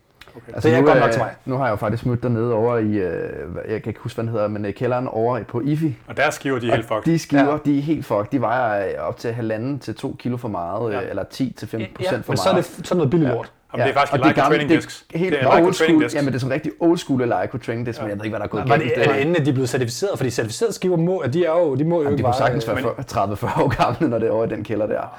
Nej, det kan de sgu ikke. Er det, kan det ikke det? Fordi dengang... Jeg er også en gammel røvhul. Jo, det kan faktisk godt være Altså, 30 de er... De er jeg, jeg tror 25 år, fordi det Ja. blev... Ja, jeg tror 25 år passer meget godt. men der, der er i hvert fald, de er helt, det er helt off Ja, det er virkelig... Det, er, det har jeg aldrig oplevet. Okay, øh, Jamen, jeg må gå hjem og veje øh, alle mine... Jeg har vejet mine fractional plates, som er inden for grænsen i mine sådan nogle konkurrencer nu, men jeg har ikke vejet alle mine 20 kilo skiver. Nu har jeg 500 kilo eller sådan noget derhjemme i skiver, så det kræver også lidt. Men Ja. det må jeg lige hjem og gøre, kan jeg høre. Men øh, det var de der sort uh, Leica Training Disc. Det, uh, Ja, jeg, kan, jeg kan huske, at jeg var sådan helt deprimeret hver gang jeg trænede den, og tænkte bare, hvad sker der, mand? ja, der var dag, meget tog- intens tyngde. Ja, så, så tog Fordi jeg, det var mere, eller hvad? det, det hele det var meget tungere nu. Så tænkte jeg, hvad fanden sker der, mand? Så gik jeg derned og med mine øh, badevæg hjemmefra, og så begyndte jeg bare, ellers så var jeg skiver. Problemet med din badvæg hjemmefra, den viser nok også Ja, forkert, det så, så, så du Men skal altså, have en, en, Kalibreret... en kalibreret vægt, som står på en helt plan overflade for at vide, at du har vejet det rigtigt. Det er så det næste problem. Ja. Nå, men, Det var i men hvert fald helt off. I forhold til at træne, øh, træne øh, konditionstræning, har du nogen på din liste omkring, øh, fordi det har vi været meget mindre omkring, det vil jeg gerne lige lidt mere omkring. Har, har du nogen på din liste til, til det, eller så... I forhold til... Jamen, kondition, ikke, ikke styrke. Vi har talt meget om styrke. Det var Ja. bare for... Bare lige nå det en lille smule, inden vi stopper her. Ikke, øh, altså... Nej. Det, det, det, som jeg synes er det interessante, og det har vi allerede berørt, det er det her med, hvor- hvordan øh, skal man dele sessionsene op, og det har vi jo ligesom øh, berørt i forhold til, at, at det ikke interfererer hinanden. Ikke? Mm-hmm. Øh, men man kan sige, i forhold til også øh, sæsonplanlægning, hvis man tager det lidt mere overordnet, så hvis vi nærmer os eksempelvis Open, hvor vi skal være gode til CrossFit og til de her lidt længere tidsdomæner, så giver det måske mening at træne det som det første, øh, så man ligesom fokuserer øh, al sin energi på det, og så kan man så vælge at lave styrketræning, vægtløftning øh, i anden session eller senere i træning. Det er jo det her, det kommer tilbage med, at det du træner først, det er jo også det, du bliver bedst til. Ja. Jeg, jeg vil høre, øh, Anders, om øh, i forhold til at, at vide, vi snakkede om de her forskellige parametre i forhold til ja, anaerobisk øh, aerob tærskeltræning og hvad hedder det, sprint i forhold til anaerob power og sådan ting. Hvordan ved man, hvad man træner på sådan lidt, altså en, en lidt lettere måde, og hvordan ved man, øh, altså, hvad man skal, hvor ens limiter er, hvordan kan man finde ud af, altså man kan jo ikke måle sin VO2 max selv rigtigt, man kan få nogle kondital, som estimerer det ret godt og sådan noget. Hvad, hvad skal man gøre nu? Der er jo, man kan jo, der er jo tests. Altså, Cooper-test for eksempel, eller hvad? Om men der er jo også test til cykelergometer og roergometer og sådan noget. Ja, okay. Altså, det er der. Jeg vil sige, uh, Kenneth J. han har jo lavet den der app Rowforge eller sådan noget, Ja. hvor der er en masse intervaltræning til romaskinen. Men det er jo også Og specifikt til romaskinen. Det har vi ikke rigtig talt om, det der med, at, at tilpasningerne, hvis man er god Noget af det er lokalt, og noget af det er centralt. Altså, men men, Ja. ja. men øh, så det, findes der, det findes der faktisk en del apps, der har ret fine programmer til. Jeg, jeg, jeg tror også nok, der findes nogen til Assault Bike nu. Ja. Det har jeg faktisk set for nylig, ja, for jeg har lige Øh, købt en... Øh, ja, Og jeg tror nok, at de nye Assault Bikes, der vil de til at kode en eller anden Condi-test-funktion ind, som Ind i skærmen. Ind i, altså ind i skærmen, Ja. simpelthen. Det er så sådan lidt dårligt skærm, så de må gerne gøre det bedre. Ja, ja og det, i virkeligheden så er det katastrofalt, at de ikke har gjort det fra start af. Ja, ja, 100%. Altså, Men nu er der kommet konkurrencer på markedet fra Ecobike fra Rogue, som, øh, som jeg lige har købt. Sige, den skærm er jeg faktisk heller ikke så imponeret af, efter jeg har fået en selv. Der er heller ikke rigtig kodet noget ind i ekstra, hvor konceptoren er jo bare super lækker og kan opdateres og firmware og kan kobles til computer og sådan noget. Jeg forstår ikke, hvorfor de andre ikke også laver sådan nogle skærme. Men altså, ja, det, ja. Nå, men, men ja. der findes jo alle mulige definitioner. Ikke? Så, mm. altså, det, jeg tror, det der sådan er den største konsensus omkring, det er jo det der med, at det, det, den mængde arbejde, der svarer til, eller den arbejdsintensitet, der svarer til ens maksimale lilleoptagelse, det svarer til det, at man laver, når man arbejder maksimalt i 10-15 minutter. Mm. Og, det, og, så, og så længe man er laver en form for aktivitet, hvor at det ikke i ekstremt høj udgrad er den lokale muskulatur, der er den begrænsende faktor, ikke? Så, vil det, så vil den form for arbejde kunne bruges til at estimere, hvad ens kondition er. Altså, eller ild- som ild, defineret som Ja, altså de, de fleste, jeg kender, nu må I rette mig, hvis jeg tager fejl, de fleste, jeg kender, kan få en højere øh, hvad det, puls på løb end på roning, fordi roning alligevel er lidt styrkepræget udholdenhedsmæssigt. ja, ja. Er det ikke bedre at løbe end at ro, så hvis man skal lave sådan nogle test? der er nogen, øh, er nogen, Eller hvad? Der er det nogen, nogenlunde overensstemmelse, faktisk. Okay, så det er høj nok puls til på roeren, at det ikke er et problem, medmindre man er meget utrænet på roeren måske. Øh, men pulsen er jo i virkeligheden ikke nødvendig for, det er jo mængden af arbejde, du får produceret. Jamen jeg tænker, skal der ikke være høj nok puls, for at vi har en høj nok belastning på, øh, på kredsløbssystemet alligevel, eller hvad? Øh, jamen spørg, åh, nu, altså, så, så du spørger i virkeligheden, om man har en højere puls, når man løber ved ens maksimale ildoptagelse, end når man ror. Er det virkelig det, du siger? Ja, fordi jeg, jeg, jeg tænker, at det faktisk rent maksimale... empirisk er det faktisk min oplevelse. det at tror jeg har også sådan. passer. Jeg kan Ja. bare ikke, det synes jeg også, jeg kan huske, jeg har læst faktisk. Ja. Øh, Jeg, jeg, jeg oversætter bare, hvis, maksim, hvis jeg maksimalt kan få min puls på en ro op på det ikke, 180 måske eller sådan noget, så kan, og på løb omkring 200, så tænker jeg, så kan jeg få min, så må den maksimale idoptagelsespuls på maksimal arbejde også være cirka det samme i forskel. ja, men, Det er det, bare det, sådan- men det kan også godt være, at man ikke, altså øh, formelt set, så vil din puls jo stige i virkeligheden helt vildt højt, hver gang du tager et tag, men det er jo meget forbigående, så det kan også godt være, at pulsmålerne måske ikke er så gode til at fange de der. Men, Ja, men, men, Variansen i... Men der, der, okay. der, er- jeg mener faktisk også, der er forskel på den puls, man har, når man arbejder ved ens maksimale ildoptagelse. når man Okay, på de to. cykler. Så Okay. det mener jeg også, der er. Ja, om, det er måske også i detaljer, som er unødvendige, kan man sige. Men i hvert fald på romaskinen er måske det letteste at komme til for en crossfitter. Og på også en standardiseret dis- distance, fordi det problemet med løb er også, at du skal opmåle dit distance. Ja, men skal til at- CO2-ergometer er de heller ikke særlig godt kalibreret. Der kan godt være ret stor forskel på dem. Okay. Det, det kan godt være en ting, Ja, okay.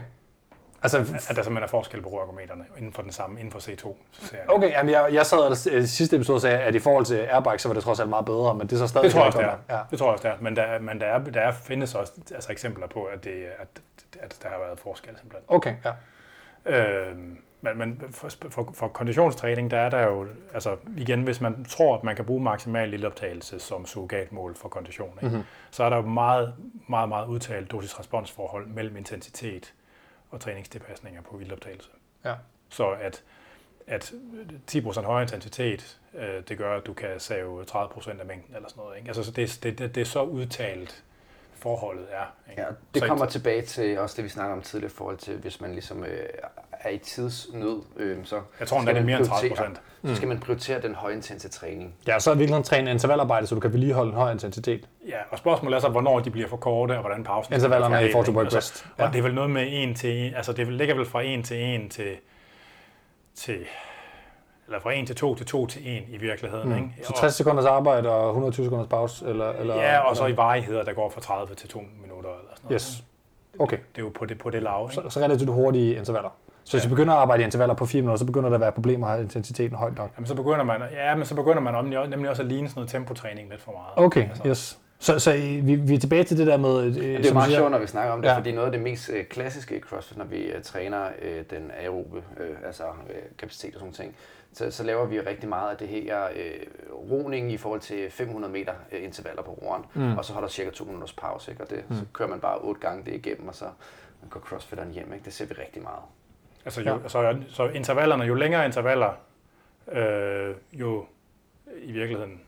Nej, Kortere pause, Ja, eller? nej, ne- never mind. Never Okay, mind. men, men jamen, vi har også cirka ramt noget i nærheden der, det ligner. Hvad så, hvis man skal øh, træne sin, sin, øh, sin, sin power, altså anaerob øh, power?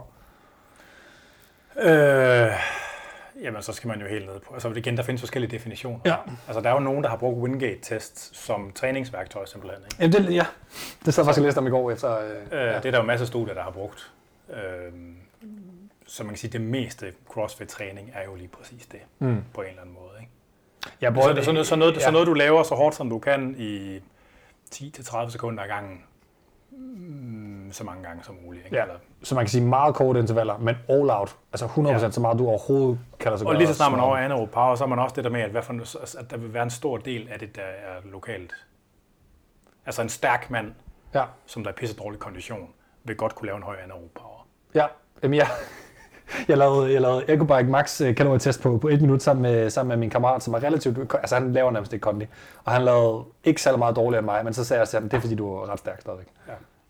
Så, så man kan sige, at, at du får, jo mere aerob det bliver, jo mere får du i virkeligheden... Øh, øh, hvad skal man sige, øh, bliver, du, bliver du fanget på, hvis du ikke er særlig konditionstrænet, kan man sige. Ja. Er det nogenlunde grund for Ja, det? Okay, hvad så med, hvad så med de, de helt lange distancer? Altså nu taler vi om CrossFit har jo set, ja, altså, øh, ja, tri, små triathlonere faktisk har vi jo, har vi jo set, ikke? Altså sprintdistance triathlon eller deromkring. Øh, nogle gange med noget andet. I stedet for cykling, så har der været noget, noget paddleboard på vandet og, og svømning og lidt af hvert og sådan noget. Ikke? Men, også for eksempel maratonroning som er sådan et ekstremt eksempel, eller, eller Murph, som så er næsten op på, på, på 50 minutter øh, deromkring. Ikke? Ja. Hvad, hvad, hvad med når vi kommer derop? Det er sgu svært. Altså, fordi al den stund, at der er så stor transfer nedad, ikke? Ja. Altså, så igen, så er det tidsconstraint. Altså, hvis man træner... Og nu har vi 20 de to forskellige cases, vi kan kigge på. Så dem, der træner 3-4 gange øh, om ugen, der er dem, de som gøre det. De skal slet ikke gøre De det. ikke. Men dem, som gerne vil lave altså, store konkurrencer, hvor der også kommer sådan nogle events, Ja. som skal kunne det i performance, men som også træner meget og har Men- meget tid. Ja, jamen, så hedder det været 15 timers træning i ugen, eller... Altså, eller det ved jeg ikke, når du... Mm, jeg prøver lige 12. to gange... øh, Ja, 12-15-agtigt, det er nok meget rigtigt, ja. Det er omkring 15 timer. Hvad siger det? Men så skal man jo lave det, ja. Hvor, hvor meget skal man så lave? Hvis man skal kigge over mod udholdenhedsfolkene, så mange af dem, de har jo sådan en rigtig lang, og så har de sådan en del, så har de sådan en del mellem. mellem altså, Ja. så, så nok mindst en lang, vil jeg sige. Altså sådan en, to, to, halvanden, to timer, eller... Og, og hvad er en lang? Og er det så øh, uafbrudt øh, cyklisk, eller kan det også Ja, være intervaller? To intervaller en halv time, for eksempel. Giver det mening også?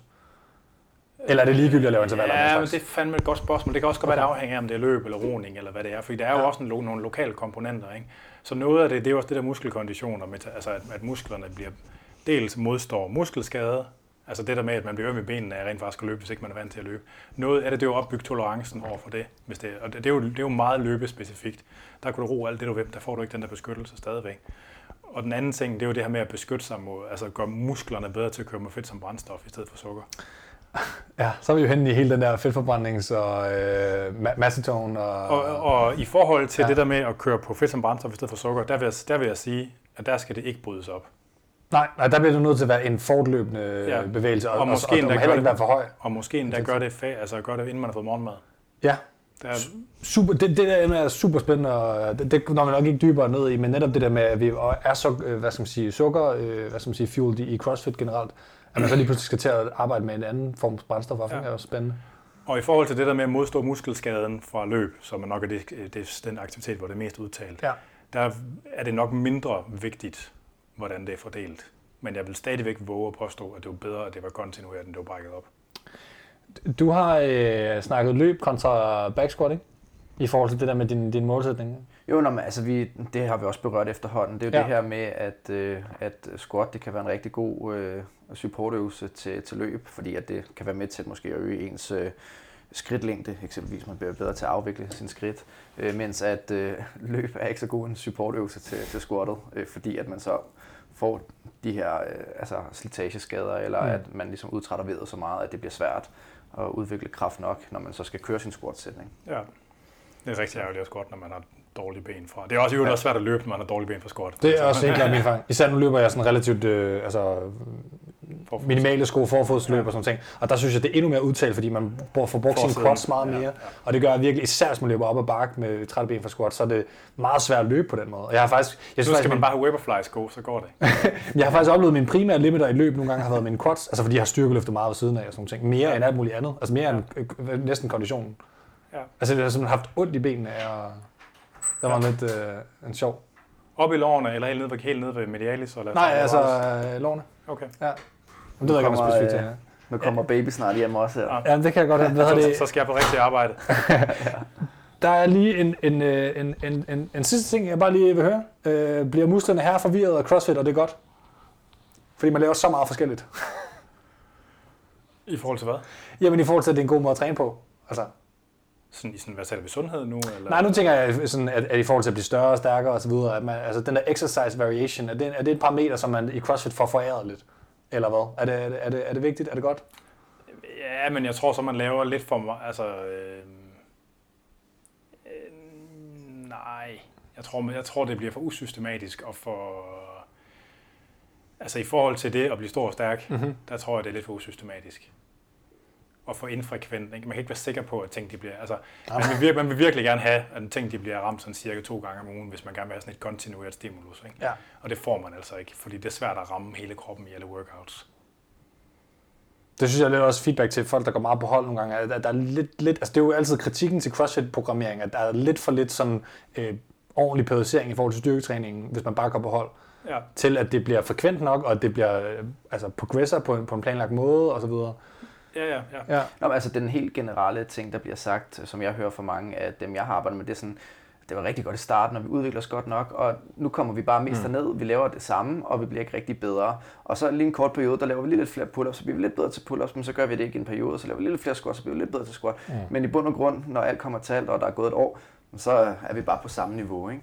Så, men, men altså, så i et sundhedsperspektiv, så er det måske meget fint, at man ligesom får vedligeholdt øh, øh, sit fysiske kapacitet, selvom man så bliver ældre, og man får øh, også lavet de her øh, 20 minutters øh, højintenst arbejde tre gange om ugen, som Sundhedsstyrelsen øh, fortæller, man skal. Øh, men hvis man virkelig gerne vil rykke på de her forskellige parametre, som vi ligesom har brugt øh, to, tre, fire timer efterhånden på at snakke om, så er man altså nødt til at, at sætte det lidt mere system. Nu begynder til e-sport. Den, øh, den fedeste e-sportspiller, jeg kender til, hedder øh, Fly fra Israel. Øh, en af de mest indtjenende Dota 2-spillere nogensinde. Han er gået hen og blevet slap her de senere år, øh, og hans performance i e-sport er faktisk faldet. Øh, kor, hvad skal man sige, det er en koalition mellem de to ting.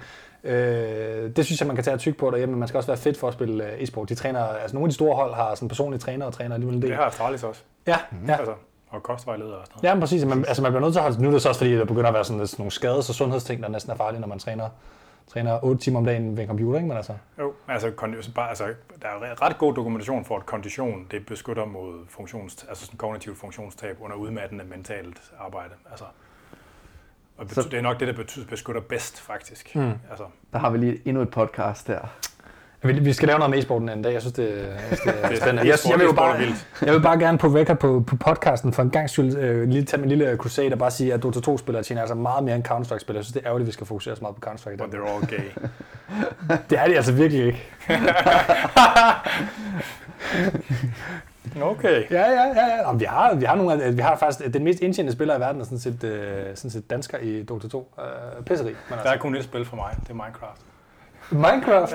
Det tæller man altså ikke så mange penge på, Anders. Og for mig er der kun FIFA, så... Jeg ser øh, heller ikke e-sport. Ah, okay. Anders, vi har jo fortalt, hvor man kunne finde dig hen i sidste episode. Men nu har du chancen øh, igen. Hvor kan man finde dig hen? Uh, AndersNedergaard.dk på Facebook og Instagram, og vores uh, Fitness MK har sin egen Facebook-side.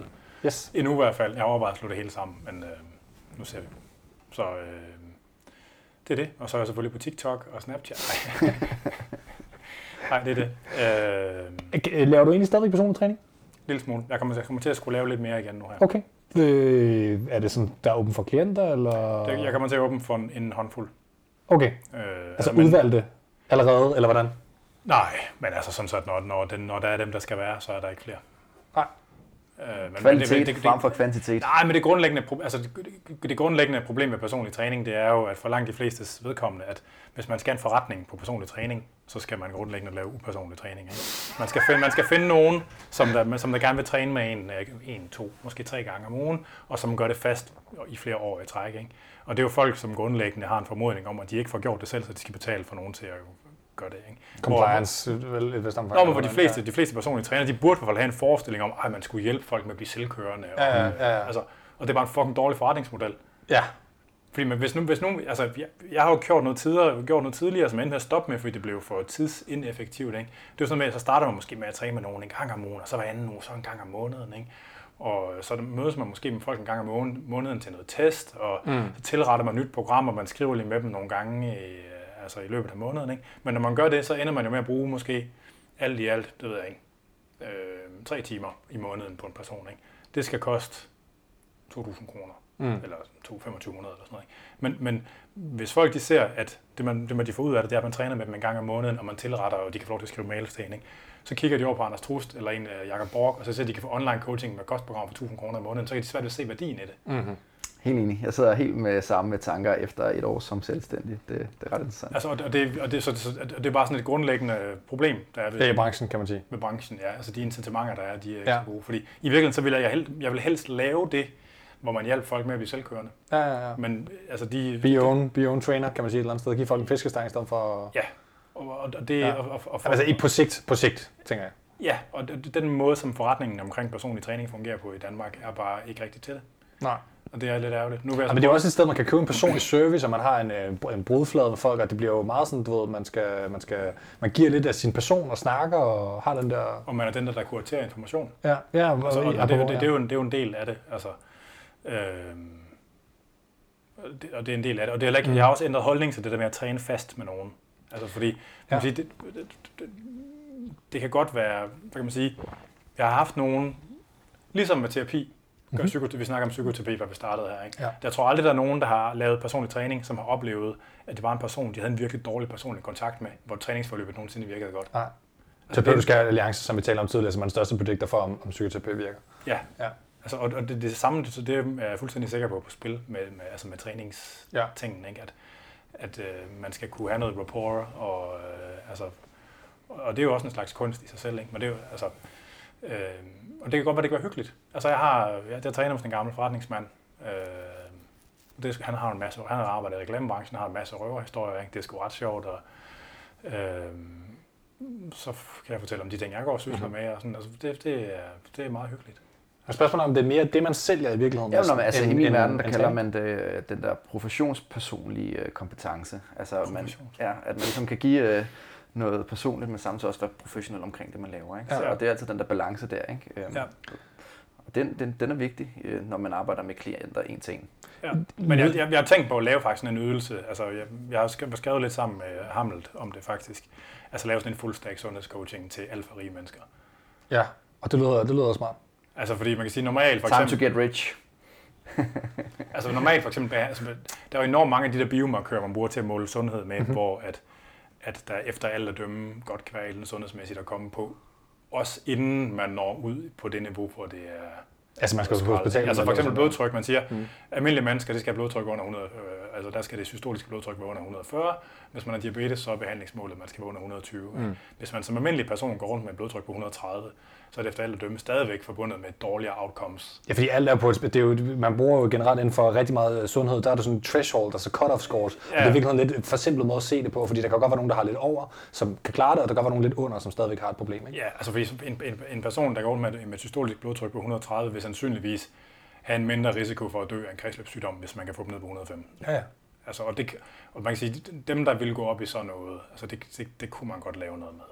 Altså, det, det arbejder jeg lige lidt på. Det, lyder, det synes jeg lyder spændende. Hvordan har du, hvordan, en ting, vi skal lidt ud med i den her serie af programmer, øh, formentlig, nogle af dem formentlig lidt kortere end den her episode, det, det, er jo, at vi skal, vi skal ende ud i også at kigge lidt på, på det, som er rigtigt, altså det, som er nok det største inden for CrossFit, er jo ikke personlig programmering, fordi det er lidt for dyrt til de fleste, tror jeg, men i virkeligheden øh, template-programmering, som er øh, grundlæggende jo bare en, et program, som man selv følger on your own time, without ja. guidance, eller med en lille smule guidance, måske med rigtig meget guidance faktisk på nogle af de lidt større programmer, som er sådan med, med videoer og ugenlige check-ins, men det er jo meget sådan ideen om, at man i virkeligheden køber sig til, øh, hvordan man skal træne, og så ikke rigtig så meget andet.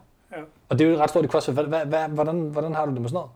Jeg, jeg følger ikke så meget med i dem. Altså min, min, Ej, nu er det ikke i CrossFit specifikt, men også bare generelt, kan man sige. Det er ligesom at følge template til Der er i styrketræning. hvert fald nogen, der tjener mange penge på det. Ja. altså, men noget som... Altså, øh, nu er der så mange, der laver CrossFit, og der mm. findes så mange data på præstationsevner i forskellige workouts på tværs af køn og aldersgrupper og sådan noget.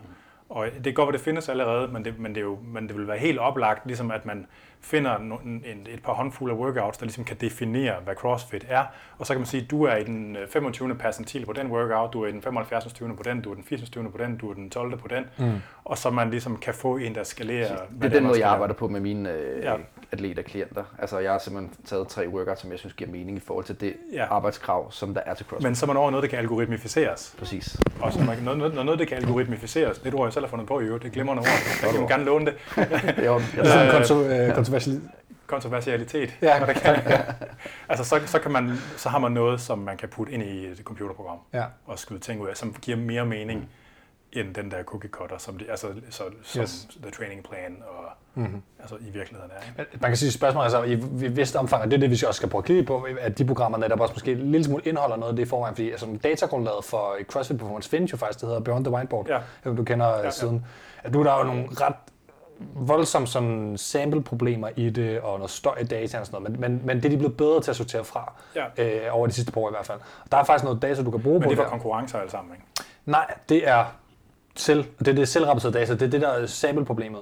Det, som findes på konkurrencer, findes, øh, det, det er sådan nogle, det, dem jeg, jeg nævnte Det er også et sample-problem, kan man sige. Det er bare et andet sample-problem. Jo, præcis, og, og det er det, man skal sortere fra ikke? Øh, i at gøre det, men, men der findes ligesom et datagrundlag i hvert fald til at kigge på nogle percentil ting, og så, så, så kan man sige, at det handler jo netop om, hvad du sammenligner dig med, et eller andet sted, fordi dem, der skal lave konkurrencer, kan jo sammenligne sig med konkurrencer i forhold til, hvis du skal op på det niveau Jo, i jo. et vist omfang.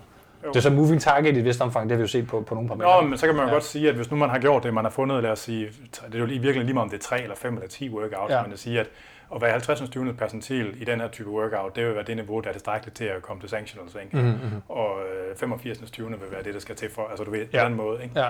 Øhm, Ja, i Beyond the Whiteboard dataen, der er det generelt 99 percentil, fordi at der er så mange almindelige ja, ja. mennesker, der har indtastet det. Ja, ja. Øh, Ja. ja. Men, men det, det, det, jeg tror nok Renaissance uh, Periodization, de er Ja. begyndt at have sådan noget, der smager lidt af det der. Okay, ja. De er, også, de er også fandme blevet stort. De er også øh, har en del ind i CrossFit efterhånden jo. øh, Okay, Ja. With Øh. Troning reklamerer blandt andet for det. okay. Men, men det forstår jeg faktisk ikke findes. Eller forstår altså, eller, Eller eller, eller, er eller, eller, eller, ikke, ikke er, sådan, er, Ja, øh, er en større ting. Altså, okay. øhm, Så vil, så vil vi også øh, melde af, øh, ja. og øh, man kan finde os der, hvor man plejer at kunne finde os. Man kan anmelde os på øh, iTunes, det kan vi godt lide. Øh, det er også noget, der hjælper folk til at blive få proppet crossfit ned i halsen, når de sidder med deres morgenkaffe og skal finde en ny podcast på iTunes. Hvis de er højt rangeret, de der podcasts, så er det lettere at få, få, øh, få spredt crossfit, og vi ved jo alle sammen, at det handler om at få alle ikke-crossfitterne til at blive crossfitter. Øh, bare, øh, bare ikke lige så irriterende som veganerne forhåbentlig. Men øh, så kan man finde os på øh, crossfitministeriet.tier, stadig øh, 10er.app. Der kan man øh, øh, supporte os med en masse øh, kroner, sådan Patreon-modellen. Øh, og øh, vi har været dårlige til at sige tak, når folk har gjort det de sidste lange stykke tid. Det er faktisk noget, jeg lagde mærke til, når man sagde tak på, på, øh, på Instagram, for at folk havde gjort det. Så var det noget, der virkede som om, Så var der andre, der så, at man også skulle gøre det. Men øh, det skal vi nok være bedre til i fremtiden. Tak til jer, der har været øh, trofaste støtter. Mange af jer, jeg tror i hvert fald 20 20-25 af jer har støttet os i et år nu, eller sådan noget. Det, ja. det er lækkert nok. Det er, det er vildt. Og så øh, kan jeg så løfte sløret for for første gang, at vi er i gang med at øh, få prototyperne til en vinterkollektion for CrossFit-ministeriet til fra Viking Fit, som bliver bukser og hoodies og sådan nogle ting. Så det kan I øh, glæde Nice. til. Og arbejder på kvindetoppe. Ja, det er også en ting, vi har i tuben. Det er rigtig nok, det er der blevet efterspurgt meget. Det skal nok komme ud. I tuben. Øhm, tak til dig, øh, Anders, for i mange timer at have øh, bidraget med din, øh, din viden om, øh, om, om det her emne. Vi er helt sikkert øh, andre ting, vi gerne vil høre mere fra dig om en anden gang. Og øh, så en opfordring til at, at man stadig kan høre alle de gamle episoder af FDSMK øh, på Podimo, Podimo. men senere på, på Anders Nedergaard måske øh, via Altså en fra ny feed. 223 og frem på... Ja, det nye RSS-feed, ikke? Yes, jeg synes bare, det er vigtigt, for jeg tror, altså, jeg har vidderligt lyttet til næsten alle sammen, undtagen i den om curling, for eksempel. Jeg, Øh, jeg tror, der er 100 mennesker, der har skrevet spot, hvor man kan finde det nu. Og efter, også efter jeg har gjort det til en sticky, og hvor det er henne og sådan noget. Og jeg, jeg ved godt, at man skal svare pænt og sådan noget. Nå, men jeg det er skal, kompliment, at de gerne vil lytte det er det nemlig, Ja. men altså, der er nogle gange, hvor jeg sådan, og så delete, delete, delete, delete, delete. Nu går vi ud og tager et glas vand, og så prøver vi forfra. Så, men, men det findes stadigvæk, og jeg har, jeg har skrevet til dem i håb om, at de faktisk vil lave en, en webplacering, altså hvor de har en, en, en del af deres hjemmeside, hvor de beskriver, altså hvor der er programtekster og sådan noget. yes. Det har de jo for en del af deres egne programmer. Ja, og jeg ved- exclusives ting der, ja. Ja, og jeg ved jo, de har dataene til det, så det håber jeg på, at de vil, men øh, jeg ved ikke, om de gør det. Vi er også på uh, Podimo, men nok ikke lige så, uh, lige så fint som, uh, som dig, Anders. Og uh, så er der Thomas. Der kan man finde på Thomas Frosix eller uh, Thomas Training PT, mm. tror jeg på Instagram. Og mig kan man finde på uh, bjorsum.dk. Og så skal man huske at gå ind og søge på Stefan Holm. Stefan Holm, Hurdles. Og se, en folk, der- hvor, hvor høj er det? 1,80? Øh, der er flere forskellige videoer, men den som, der, er den, som jeg plejer at synes er vildest, der springer han over tre eller fire hække, der er 1,80, som hans egen højde i hækkeløbspassage. Vi går ind og ser den lige om lidt. Uh, god fornøjelse med træningen derude.